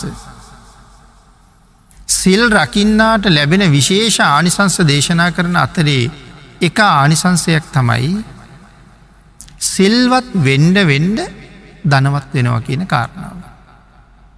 එතකොට අපිට සැක උපදින් ඇද්දෝය කාරණාව ගැන. එකැන භාගිතුන් වහසගේ දේශනාව සැක නෙමෙයි නමුත් සාමාන්‍ය කෙනෙකුට මේක සැක උපදිනවනි. සිල්වත් වෙන්ඩ වෙන්ඩ දනවත් වෙනවනං දැන් අපිට හිතෙනවා අපිට වඩා හුඟක් දනවත් වෙලා ඉන්නේ. සිල් රකින්නේ නැතියයි. මැද පෙරදිග ගැන කල්පනා කිරුව. ඇමරිකාව ජපානයේ එංගලන්තවාගේ රටවල් ගැන කල්පනා කළු. මෙ තිසරණ කියන්නේ මොනවද කියලවත් දන්නේ. පන්සිල් ගැන අල්ප මාත්‍ර හැඟීමක් නෑ. එතකොට ඒගොල්ලු සිල්වත් හැටියට සලකන්නේ සලකන්නේ නෑ. සම්මාධිට්ටික නෙමෙයි මිත්‍යයා දෘෂ්ටිකයි. ඉතින් නමුත් අපිට වඩා දනවත් නැද්ද ආං ඒකයි මංකිවේ දැන් සැක උපදින්ට පුළුහන්නේ. එහෙනම් ධනවත්වෙන්න ඕනේ අපි යම් ප්‍රමාණයක් හරි සිල්වත්ව ඉන්න සම්මාධිට්ටිකව ඉන්න පුද්ගලයෝ ඊට වඩා ධනවත් වෙන්ඩිපෙයි. ඔන්න ධර්යටම ධර්මය දන්නැත්තං ධර්මයට විරුද්ධව කතා කරන තැන් ඔයවාගේ තැංගොලින් ඉස්මතු වෙනවා. එතකොට එහෙමනම් ඇයි අපි ඒ අය තරන් ධනවත් නැත්තේ. ධර්මානුකූලව බැලුවොත් අපි ඒ අයට වඩා හුඟක් දනවත්. හැබැයි ඒ අපිට තේරෙන්නේ නෑ. ඕක තේරුම් ගණ්ඩ හොඳම උදාහරණය පැහැදිලි කරනවා පිළින්දිවච්චි මහතෙරුන් වහසගේ චරිත කතාව. අපේ ශාසනයේ පිළින්දිවච්චි මහතෙරුන් වහස කියල කියන්නේ. දෙවියන් සතුටු කරවන දෙවියන් කැමති මහරහතන් වහන්සේලා අතර අග්‍රස්ථානය තමයි උන්වහසේර තියෙන්නේ. අපේ භාගිතුන් වහන්සේ ඔය අග තනතුර උන්වහන්සේට ප්‍රධාන කරන දවසේ. උන්වහන්සේගේ චරිත කතාව දේශනා කරනවා. පෙර බුද්ධාන්තරයක එදා ඒ බුදුරජාණන් වහන්සේ දෙවියන්ට ප්‍රිය වූ භික්‍ෂූන් වහන්සේලා අතර අග්‍රස්ථානයේ එක භික්‍ෂූන් වහන්සේ නමකට ලබල දෙනවා දැකලා. තමයි මේ මානවකයට එදා අදහසක් පහළ වෙන්නේ ලෝතුරා බුදු කෙනෙක් ළඟ මටත් මේ තානාන්තරයේ ලබාගණ්ඩ තිබුණනම් කොච්චර හොඳද කියලා. අන්න එදා බුදුරජාණන් වහන්සේට ආරාධනා කරලා. බුද්ධ ප්‍රමුඛ ලක්ෂයක් මහරහතන් වහන්සේලාට දවස් හතක් එක දිගට දන්දුන්න. දවස් හතක් එක දිගට දන්දීලා. අවසාන දවසේ දානින් පස්සේ බුදුරජාණන් වහන්සේ ළඟට ගිහිල්ල වැඳල භාගිතුන් වහන්සට මතක් කරනවා ස්වාමීනී මේ දානෙ පූජ කළේ සක්විති වෙන්ඩ හිතාගෙන නෙබී. සක් දෙව්වෙන්ඩ හිතාගෙන නෙමෙයි. දෙව්ලවයන්ට හිතාගෙනත් නෙමෙයි. මං මේ දානි පූජ කළේ අදට දවස් හතකට කලින් භාග්‍යතුන් වහන්සේ එක භික්‍ෂූන් වහන්සේ නමකට දෙවියන්ට ප්‍රිය වූ භික්‍ෂූන් වහන්සේලා අතර අග්‍රස්ථානය පිරිනැමුවා. ස්වාමීනී මටත් ලෝතුරා ශාසනයක ඒ වරප්‍රසාදය බුදුරජාණන් වහන්සේ නමකගින් ලබාගණ්ඩ පුළුහංද කියන කාරණාව අහන්ඩයි මං මේ දන්තුන්නේ. රිජුව ළඟට ගිහිල් අහලනෑ. දවස් හතක් එක දිගට බුද්ධ ප්‍රමුඛ ලක්ෂයක් මහරහතන් වහන්සලට දන්දීල තමයි මටත් එහෙම වෙන්ඩ පුළුහන්ද කියලාහන්න. ආංගේ දානෙ පූජා කරලා අවසාන වෙනකොට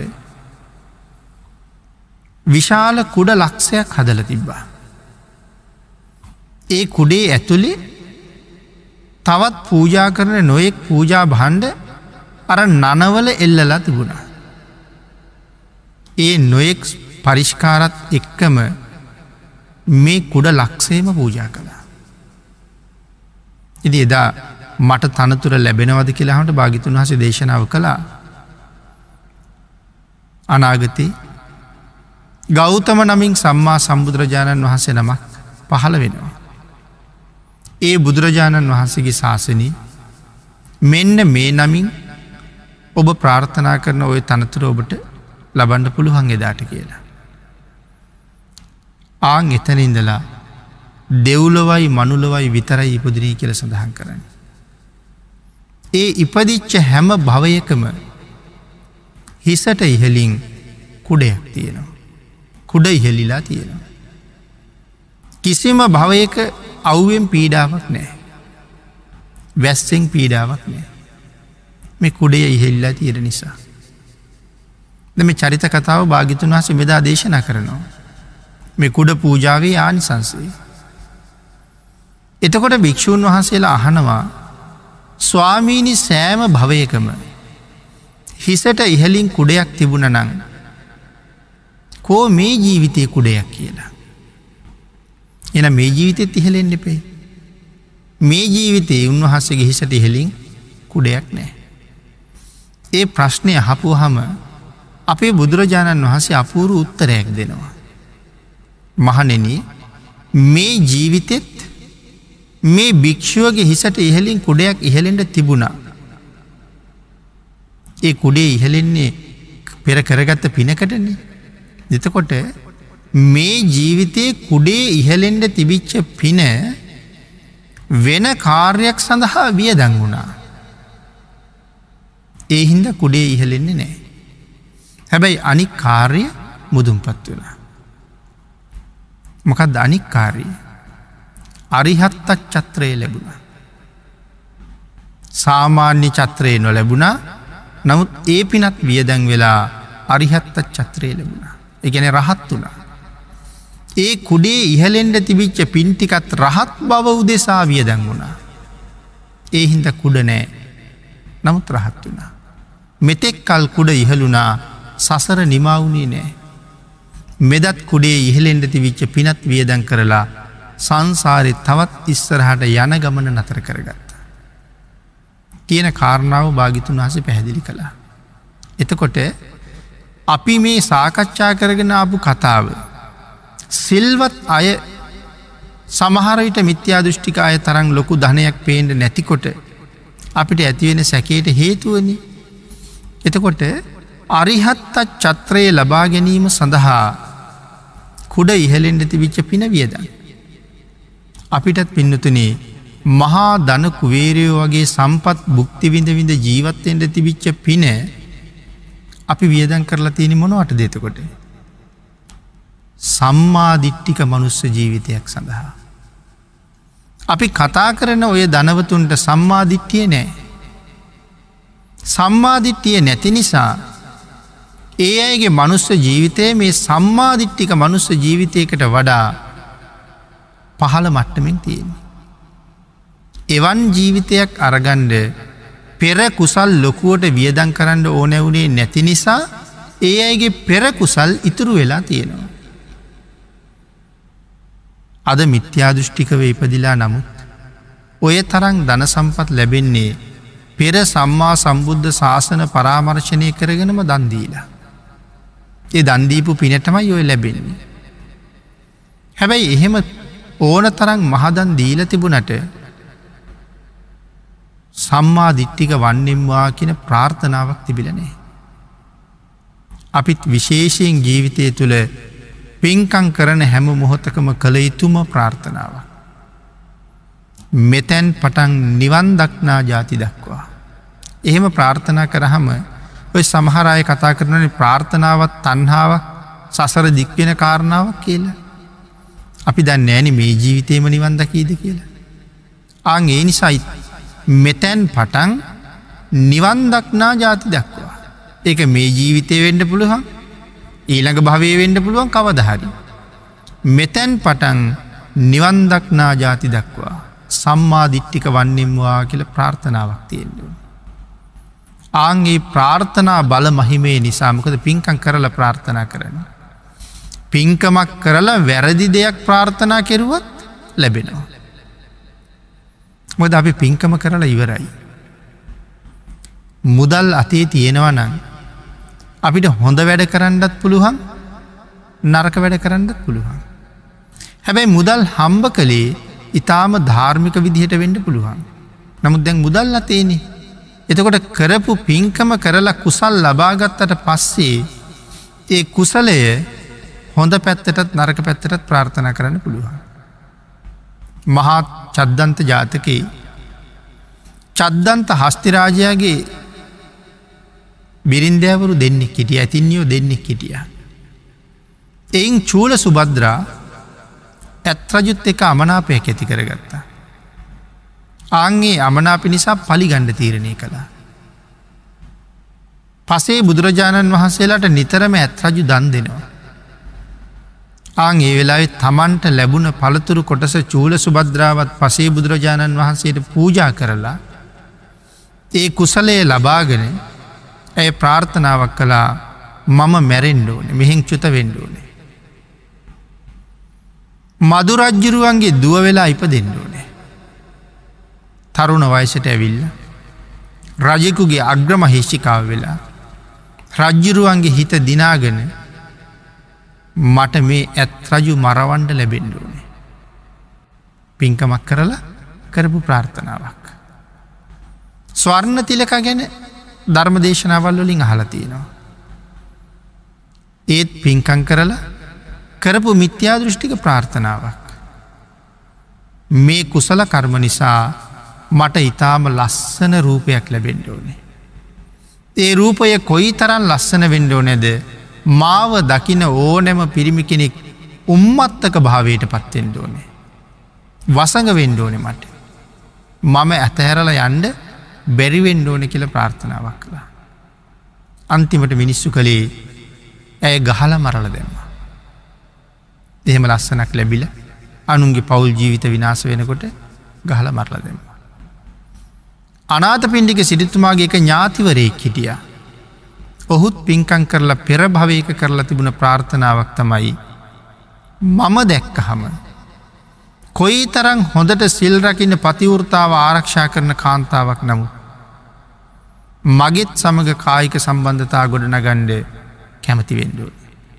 මිසදිටු ප්‍රාර්ථන නමුත් පින්කං කරලන කරන්නේ ඒ නිසා විපාක දෙන්න. ඒකයි මම සඳහන් කළේ මුදල් ලැබුණට පස්සේ හොඳ දේ කරන්නත් පුළුවන් නරක දේ කරන්නත් පුළුවන්. එහෙමනං සංසාරී මිත්‍යා දෘෂ්ටික මනුස්ස ජීවිත ලබලා. තමන් කරගත්ත ලොකු කුසලයක් ඒකට වියදන් කරලා නෑ. ඒ නිසා ඒ පෙර කුසල් ඉතුරුයි. ඒ කුසල කර්මයන් තමයි ඔය විපාක දෙන්නේ. එතකොට අපි ඒ අයට වඩා පින්නතින පින්කරපු අයි. ඒ අයට වඩා දන්දීපු අයි. ඒ අයට වඩා රැස්වූන පෙරකුසල් තිබුණයි. නමුත් ඒ මට්ටමට යන්ඩ බැරි වෙලා තියෙන්නේ. ඒ ඉතුරු කරගත්ත විශාල පුුණ්්‍ය සම්භාරය අපි විසින් වියදං කරලා තියෙනවා මෙන්න මේ සම්මා දිට්ටික මනුස්ස ජීවිතය ලබා ගැනීම සඳහා. මම සඳහන් කරන්නේ. ඇමරිකාවාදී ලෝකයේ ධනවත් රටවල්වල. රාජ්‍ය නායකය වෙලා ඉපදුනත්. අවුරුදු හැට හැත්තෑවක් මේ මිහි මත දෙව් සැපක් හා සැපක් වින්දත්. ඒ අවුරුදු හැට හැත්තෑවින් පස්සේ මැරිලා කෙලින්ම යන්ඩ තියනෙ නිරේට. ලංකාවවාගේ රටක ඉපදිලා. යාචකයෙක් හැටියට ජීවත් වනත් හරියට සම්මාධිට්ටිකව තිසරණ සහිතව ජීවත් වෙනවනන් මැරිච්ච ගමන් සුගතිය උපදීන්නේ. අන්න එවන් වෙනසක් මේ සම්මා දිට්ටිය මිත්‍යා දෘෂ්ටිය කියන දෙක අතරි තියෙන. ඒ නිසා මෙවන් උතුම් ජීවිතයක් ලැබුයි පෙරකුසල් බොහෝසේ වියදන් කරලා. අපි මුලින් කතා කරපු දුක්ක දායක අති දීර්ග මේ සංසාර ගමනේ සතර අපායාදී දුක්කොල විඳවන කාලයේ නිමා කරන්ඩ ලැබිච්ච හොඳම අවස්ථාවමික. තව විදිහකට සඳහන් කළුත්. අපි සක්විති රජවරු වෙලත් හිටිය. මේ බණ අහන කවුරුවත් ගෞරෝණී අපේ ස්වාමීන් වහන්සේල. ඒ වගේම මම දායක පිරිස. අපි හැමෝම සක්විති වෙච්ච වාර සීමාවක් නෑ. අද මෙහෙම හිටියට.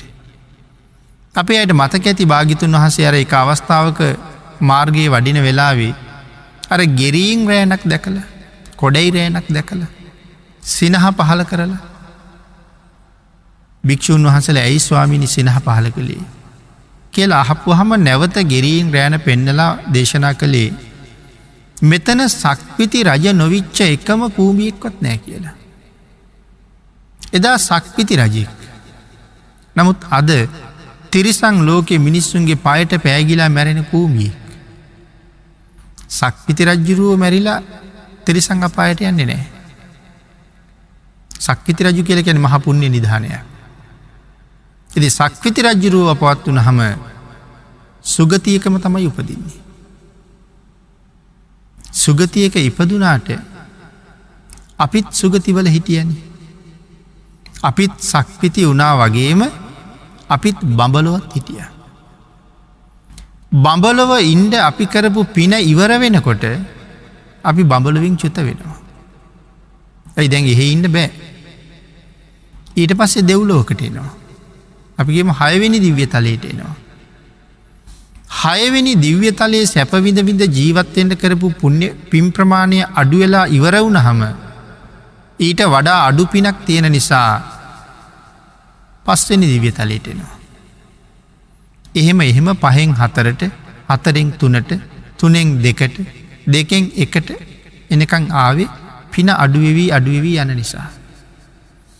එතකොට ඊළඟට ඒ දිව්‍ය තලෙන් අන්තිම තැනින් නික්මිලා අපි ඇවිල්ල තියෙනවා මනුස්සලෝකට. දැම් බලන්ඩක අපි ආපු ගමන පඩි පෙලක පහලට පහලට බැහැගෙන බැහැගෙන යනවාගේ ගමනක් ඇවිල්ල තියෙන. එතකොට මේ මනුස්සලෝකින් පස්සේ අපිට බැහැලයන්ට තවත් ලෝක තියෙනවද. අපි එනකං බලාගෙන ඉන්න තවත් ලෝක හතරක් තියෙනවා. අපි ඒකට තමයි කියන්නේ සතරාපාය කියලා. සත්වයා උපදින තැන්. සතර අපාය නිමක් නැති දුකකින් පිරිච්ච තැන.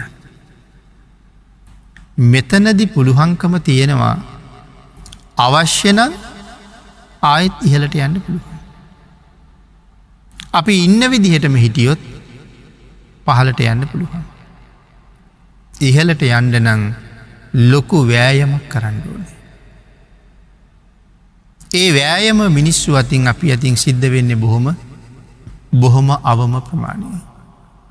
තව විදිහකට කිව්වොත් මනුස්ස ජීවිතය කියල කියන්නේ අපායට යන අතරමග අවුරුදු හැට හැත්තෑවකට නතරවුන් පුංචි නවාතැම් පොලක් විතරයි. මේ ඉන්න අපායට යන අතරමක. එයිද ඉහලින්දල බැහැගෙන නයා අවුරුදු හැට හැත්තෑවකට නතර වෙලා ඉන්නවා. ප්‍රඥ්ඥාවන්තය මේක තේරුම් අරගෙන වහාම ආපහු හිටපු දිහාට යන්න වැඩ කරනවා. එහෙම ප්‍රඥ්ඥාවක් නැති කෙනා සිහි කල්පනාව මදි කෙනා මෙහෙම ඉඳලා මරණයට පත්වෙලා අර සතරපායි උප්පත්තිය ලබන. අපේ ගෙදරත් ඒ වගේම තමයි. හරියට නිකං මනුස්සලෝකයේ හතර මංහන්දියක් වගේ. අපේ පවුල කියල කියන්නේ. ඉතන්නක ගෙදර සාමාජිකයෝ පස් දෙනෙක් ඉන්නවා කියලා. අම්මයි තාත්තයි දරුව තුන් දෙනයි. එතකොට අම්ම දන්නේ නැහැ ස්වාමයා කොහෙඉඳලද මේ ලෝකෙට ආවි කියලා. ස්වාමයා දන්නෙත් නෑ බිරිඳ කොහෙඉඳලද ආවි කියලා. ඒ දෙන්නම දන්නේ නෑ ළමයි තුන් දෙනා කොහිඳලදාවි කියලා. ඒ වනාට කොහෙන් කොහෙන් හරි ඇවිල්ල අපි දැන් මේ එක ගෙදරක හම්බ වෙලා. හතරමං හන්දියත් ඕකමයි වෙන්නේ. හතර පැත්තෙම මිනිස් වෙනවා මේ හන්දියට. එතකොට හතර පැත්තෙම එන අය හන්දියේදී මුණ ගැහෙනවා. ඊට පස්සේ ඒ අය තම තමන් කැමති පැත්තට ආපව් හැරිල යනවා. ගෙදරත් කොහෙන්දෝ ඉඳල ඇවිල්ලා ගෙදරදි හම්බ වෙලා මරණයෙන් පස්සේ තම තමන් කරගත්ත කුසලා කුසල ධර්මයන්ට අනුව එක එක පැතිවලට යනවා. කෙනෙක් සුගතියට යනවා. කෙනෙක් මනුලෝම උපදිනවා. කෙනෙක් නිරේට යනවා. තව කෙනෙක් ප්‍රේතලෝකෙකට යනවා. මේවාගේ කොයි කොයි පැත්තට හරියනවා.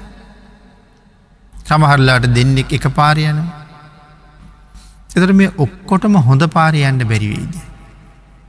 එහෙමත් යන්න පුළුවන්. හැබැයි එහෙම යන්න නං අපි හැමෝම ගාව තිබ්බිය යුතු විශේෂ ගුණ ධර්මකොට යම් ප්‍රමාණයක් තියෙනවා. මොනවද අපි හැමෝම ගාව තියෙන්ඩුවනි. අම්ම තාත්තළඟ දරුව තුන් දෙනා ළඟත් තිසරණයි පන්සිලුයි තියෙන්ඩුවනේ. ඔය ටික තියෙනවනං මැරිලා අපි ඔක්කොටම එකම පාරයන්න පුළුවන්. ඒම නැතිවුණොත් විවිධ පාරවල්ල තමයි යන්නවෙන්න. මේ කාරණාව හරියටම තේරුම් ගත්තනං අපි දරුවන්ට වර්තමානය දක්වන සෙනෙහසට වඩා ලොකු සෙනෙහසක් පින්නතුනි දක්වනවා. සම්මා දිට්ටික ජීවිතයක් අරගෙන ඉපදිලත් බුද්ධාන්තරයක ඒ මනුස්ස ජීවිතය ලබලත් අපි තාම ධර්මකාරණා තේරුම් අරගෙන නැති නිසා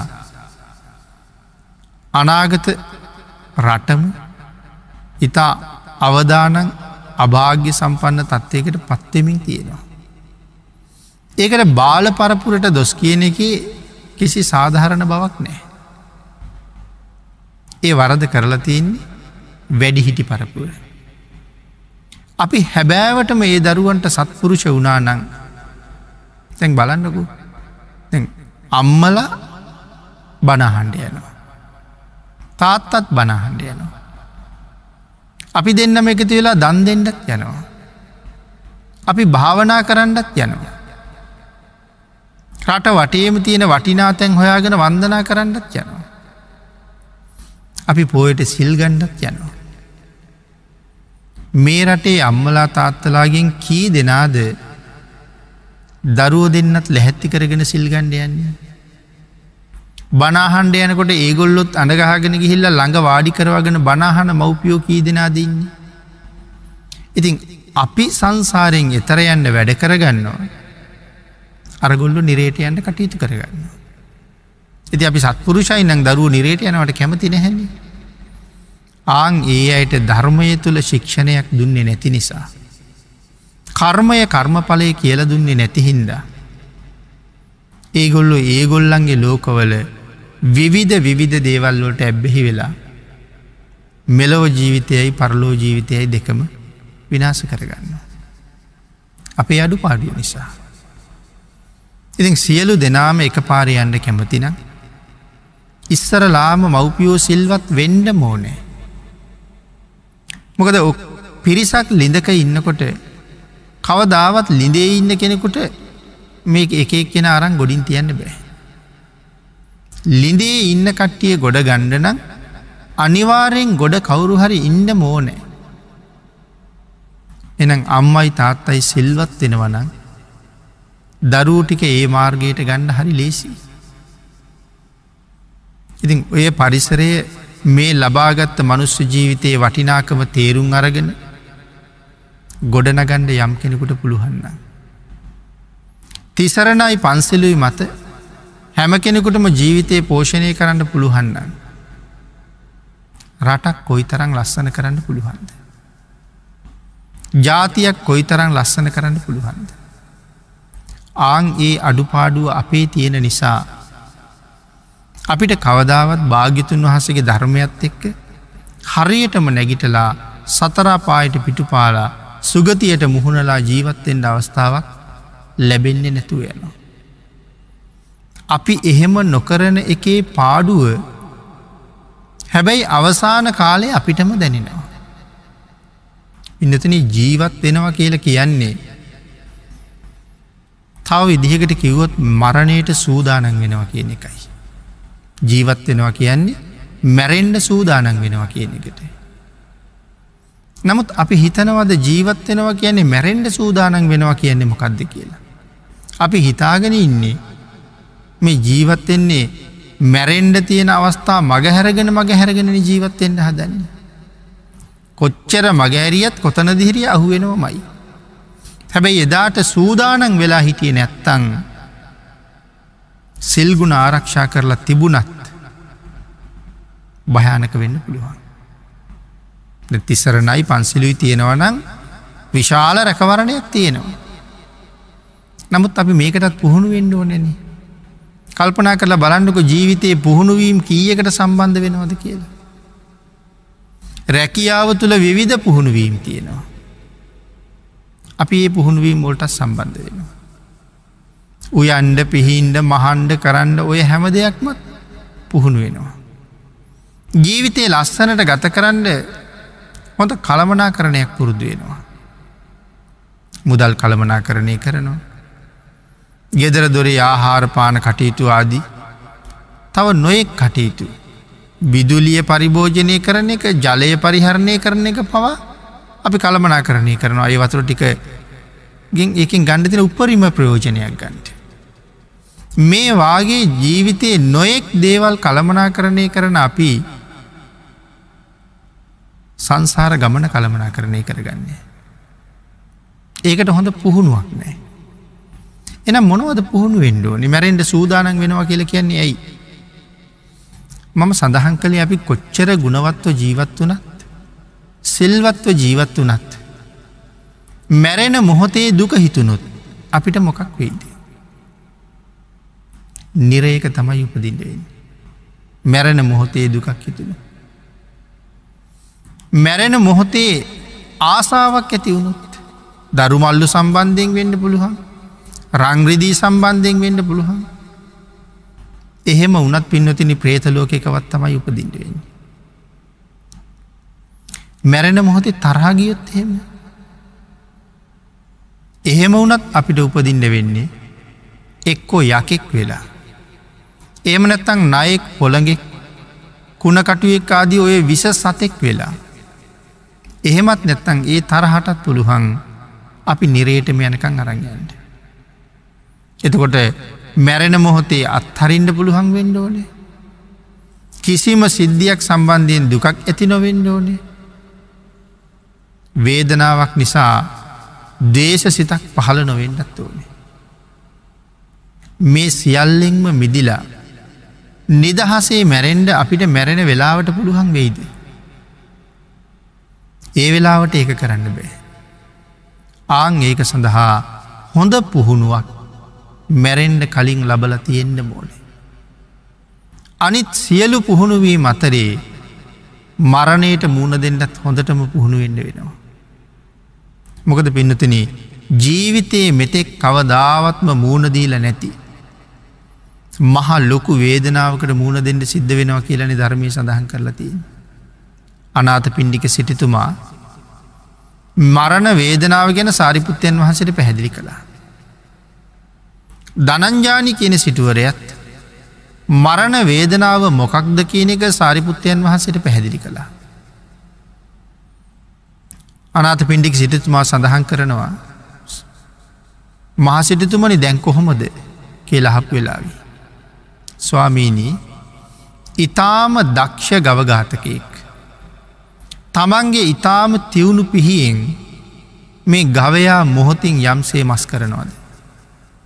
බෙල්ල කපනවා ඉක්මනට හම කපල වේගෙන් ගලවනවා තිවුණු පිහිය මුවහතත් එක්. ආංගේ තිවුණු පිහියක් අරගෙන මගේ කුස ඇතුළට කෙනෙක් ගිහිල්ලා. ඒ පිහියෙන් බඩවැල්ටික කපාගෙන කපාගෙන යනකොට මොන්න තරං වේදනාවක් ඇතියෙනවාද. ස්වාමීනී මගේ කුස ඇතුළේ දැන් ඒවාගේ වේදනාවක් තියෙනවා. ඉතාම ශක්තිමත් පුද්ගලයෙක් මහකුළු ගෙඩියක් අරගෙන ඇවිල්ලා ඉස්මුදුනට ගහනකොට කොහොමද ස්වාමීනී එවන් වේදනාවක් මගෙම ඉස්මුදන තියෙනවා. හතර දෙනෙක් ඇවිල්ල අත පයවලින් අල්ලගෙන මහ ගිනියගුරු මැලයකට ලංකරනකොට. මොනවාගේ දැවිල්ලක්ද ස්වාමීනී මගේ ගත මගේ ශරීරය ඒ තරං දැවෙනවා ස්වාමීණි කළ සඳහන් කරනවා. මේ අදි වශයෙන් මරණ වේදනාව පැහැදිලි කරනවා.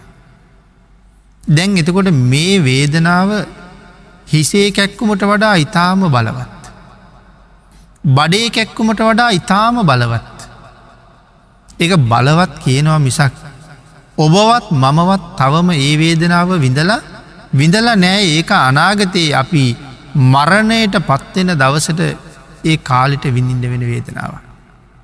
ඒ කියන්නේ පරණ මූුණදීල පුරුදු එකක් නෙමෙයි එදාට අලුතෙම්ම මුහුණ දෙන්න තියෙන වේදනාව. හිසේ කැක්කුම ටිකක් තදට හැදුනහම ඒත් තරහ යනව නං අපට. බඩේ කැක්කුම ටිකක් උත්සන්න උනහම අපිට ඒත් තරහ යනව නං ජීවිතයේ අන්තිම මොහොතේ පුරුදු නැති මේ බලවත් වේදනාවට තරහයන් නැතිවෙයි අපිට.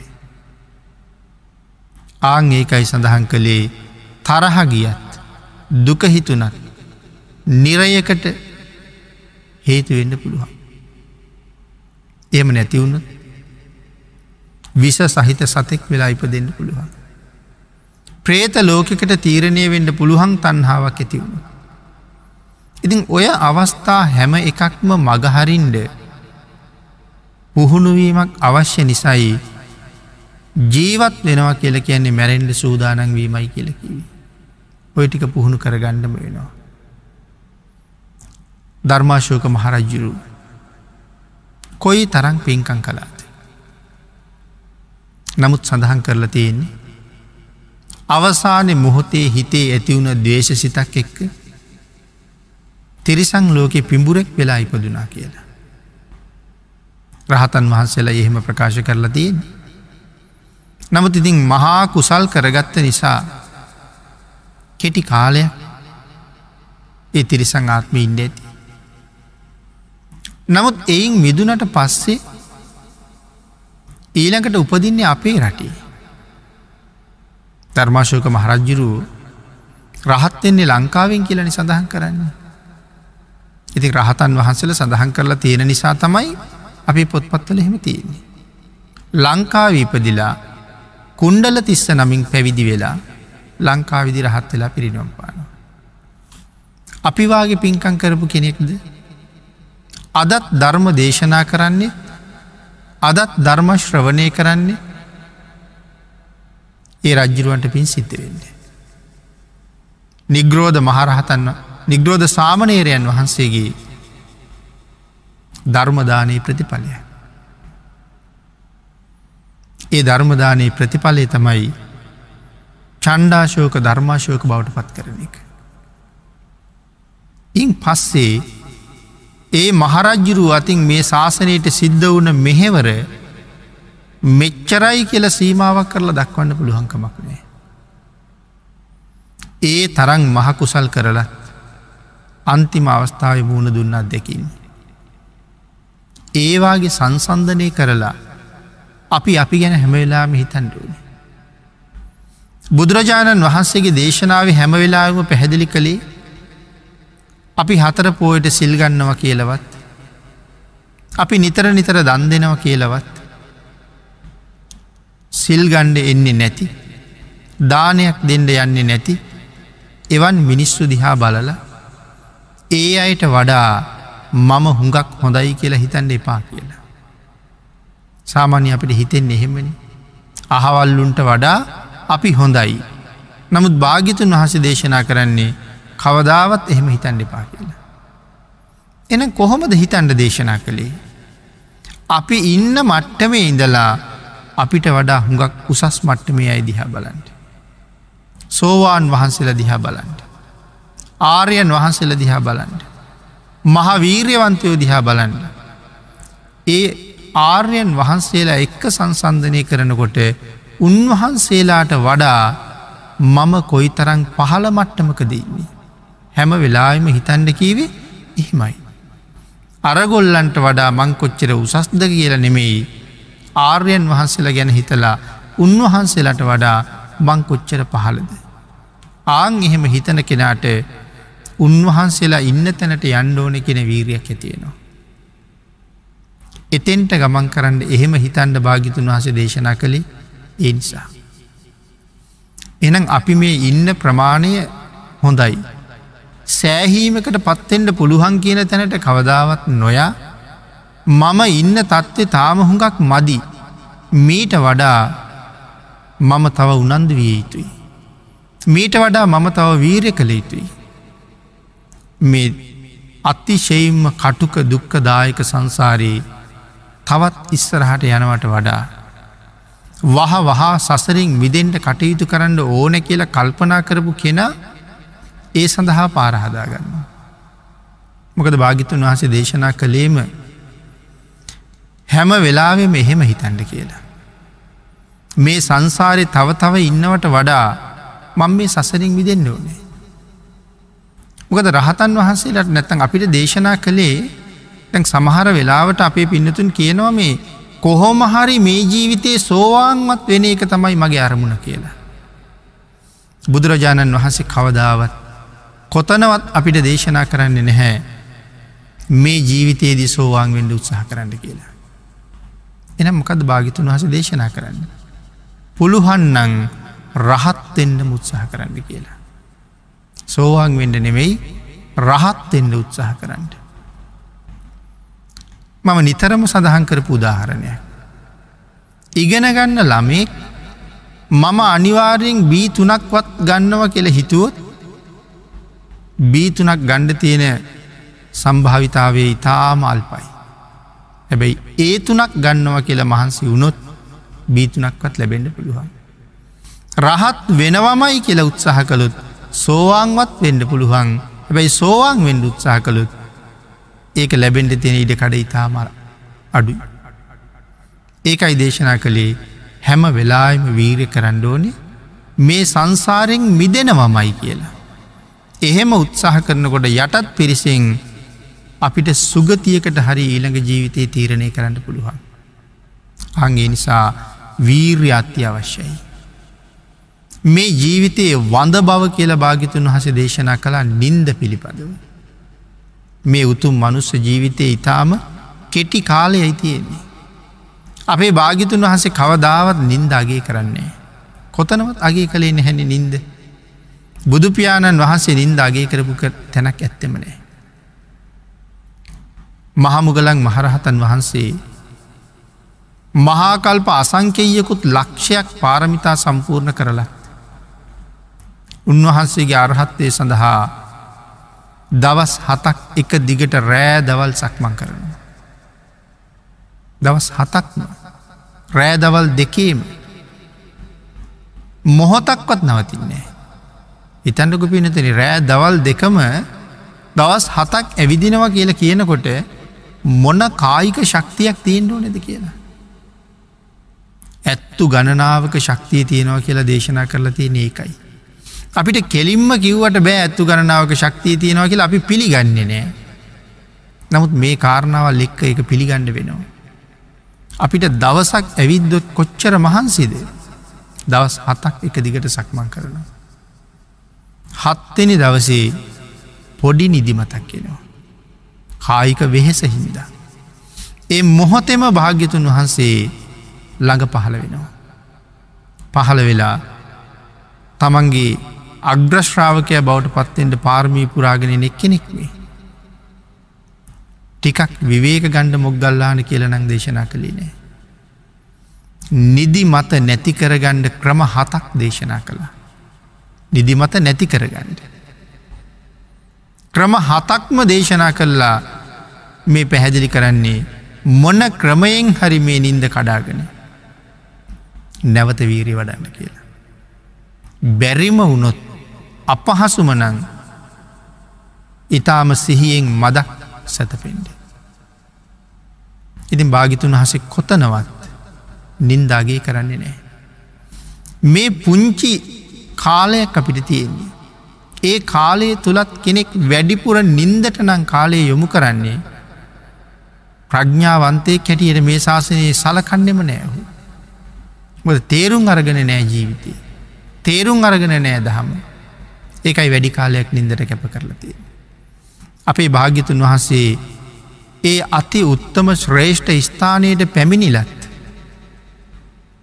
දවසකට පෑයි විනාඩි විස්සක් විතර තමයි නින්දට කැප කලා කියල සඳහන් කරන්න. පැෑ විනාඩි විස්සක් විතර පොඩි කාලයක්. එතකොට මෙච්චර නිදිමරන්ඩ භාගිතුන් වහන්සේට තව අමුතුවෙන් යායුතු තැනක් තියෙනවද. එහෙම තැනක් නෑ. එතට කවුරු වෙනුවෙන්ද මේ නිදි මරන්නේ. මේ සසරින් අපිව එතර කිරීම සඳහා අපිට වඩා භාගිතුන් වහස දුක්කිඳල තියෙන. අපි අපි වෙනුවෙන් කරගත්ත දෙයක් නෑ. භාගිතුන් වහසේ දුක්කිඳල තියෙන අපිට වඩා. අපි වෙනුවෙන් භාගිතුන් වහන්සේ රෑයකට සැතපුනේ පැෑ විනාඩි විස්සයින්න. තමන් වහන්සේ වෙනුවෙන් විවේක ගත් එච්චරයි. අනික් මුළු කාලයම අපි වෙනුවෙන්. භාගිතුන් වහන්සේ අපි වෙනුවෙන් එච්චට එච්චර කැපකිරීම් කරනකොට හරියට නම් අපි අපෙන් අහන්ඩ වටිනවා දවසකට පැය අටක් දහයක් වකුටු වෙලා නිදාගන්නේ මොන ආරක්ෂාව තියෙන හින්දද කියලා. භාගිතුන් වහසේ සියල්ලම දිනල ඒත් එහෙම කරනවා. අපි මොකොවත් ජයග්‍රහණය කරල නෑ හරියටම මරණෙන් පස්සේ යන්නේ කොහෙද කෙනෙක ස්තිරත් නෑ නමුත් අපි නිදාගන්නවා. එවන් පුද්ගලය අඥ්ඥානය කෙටීටයි දකින්න. ඥානවන්තයා කායික වෙහෙසක් තියෙනවනන්. ඒ වෙහෙස නිමාගණ්ඩ ටිකක් විවේක ගන්නවා මිසක්. තන්හාාව පදනම් කරගෙන නිදියන්න හැ කියල සඳහන් කරන්න. අපිට තියෙන්නේ නිදි සුවය පිළිබඳව තන්හාාව. ආං ඒකයි අවදි කෙරෙව්වත් එම නැත්තං අවදි වනත් අනි පැත්ත හෙල්ලා නිදාගන්න. තව ටිකක් ඉඳල එන්නම් කියල කියන්න. හැරිලා ඉන්න පැත්ත මාරු කරන්නේ ඒ නිදි සුවයට තියෙන තන්හාාව නිසා. එහෙමත් තන්හාාවක් තියාගෙන මේ සංසාරයෙන් එතරවෙඩ පුළුහන්ද කියලා අපි ආපහුසරයක් අපෙන් මහල බලන්ඩුවන. ඒ නිසා පිඩතුනේ අනමතක්ග සංයුත්තයෙන් කරුණු ටිකක් සාකච්ඡා කරමින්. ලබාගත්ත ශ්‍රේෂ්ඨ මනුස්ස ජීවිතයට සාධහරණයක් කරන හැටි අපි බොහොම කෙටියෙන් තමයි සාකච්ඡා කළේ. හැම වෙලාවෙම අපට හිතවත්වෙන්ට.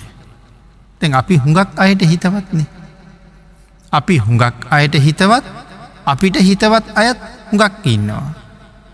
හැබැයි කෙනෙක් විවේකීව කල්පනා කරලා බැලුවොත් මම මට හිතවත්ද කියලා. එතකොට තමයි ඔවුද කියන කාරණාවට ප්‍රශ්නයක් කියන්නේ.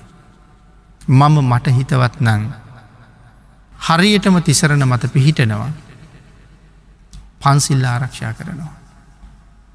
යමෙක් තාමත් පන්සිල් උල්ලංඝනය කරනවද ඔහු තාම තමන්ට හිතවත් ප්‍රතිපදාවට අපි නැතිකෙනෙ. සිල්පද පහෙන් හතරක්ම කර්මපත් ඒක ඇන්නේ මැරෙන වෙලායි මතක් වුණොත් අනිවාරයෙන් නිරීව් පද්දුවනවා. සුරාමේරයේ කර්මපතය කෙරීට දේශනා කරන්නේ නැහැ. නමුත් සුරාවෙන් මත්තෙච්ච කෙනා අනික් කාරණා හතරම කරගන්න නිසා මහසිල්පදය කියල දේශනා කරලතිය. මේ සිල්පද පහට ගරු කරලා මනාව තිසරණ මත පිහිටපු කෙනා මේ ලෝකය තුළ තමන්ට ඉතාම හිතවත් කෙනෙ. අනුන්ට හිතවත් වෙන්ඩ කලින් තමන්ට හිතවත් වෙන්ඩ කටයුතු කළුත්. අපිට බොහොම සතුටින් මෙලවින් සමුගණ්ඩ පුළුවන් ජීවිතයක් ගොඩ නගන්න පුළුවන්. ඒ ආකාරයෙන් තමන්ගේ ජීවිතයේ කළමනා කරණය කරගත්තුත් ඔහු සුගතියෙන් සුගතියට යන්න පුළුවන් කෙනෙක්. එවන් ජීවිතයක් පෝෂණය කරගන්ඩ මේ සැදැහැවත් පින්නතුන් සියලු දෙනාටම භාග්‍යතුන් වහන්සේගේ කරුණාවී ආර්යන් වහන්සලගේ අනුකම්පාවෙන් ශක්තිය දහිරිය භාග්‍ය වාසනාව උදාවේවා කියලා ආශිර්වාද කරනවා.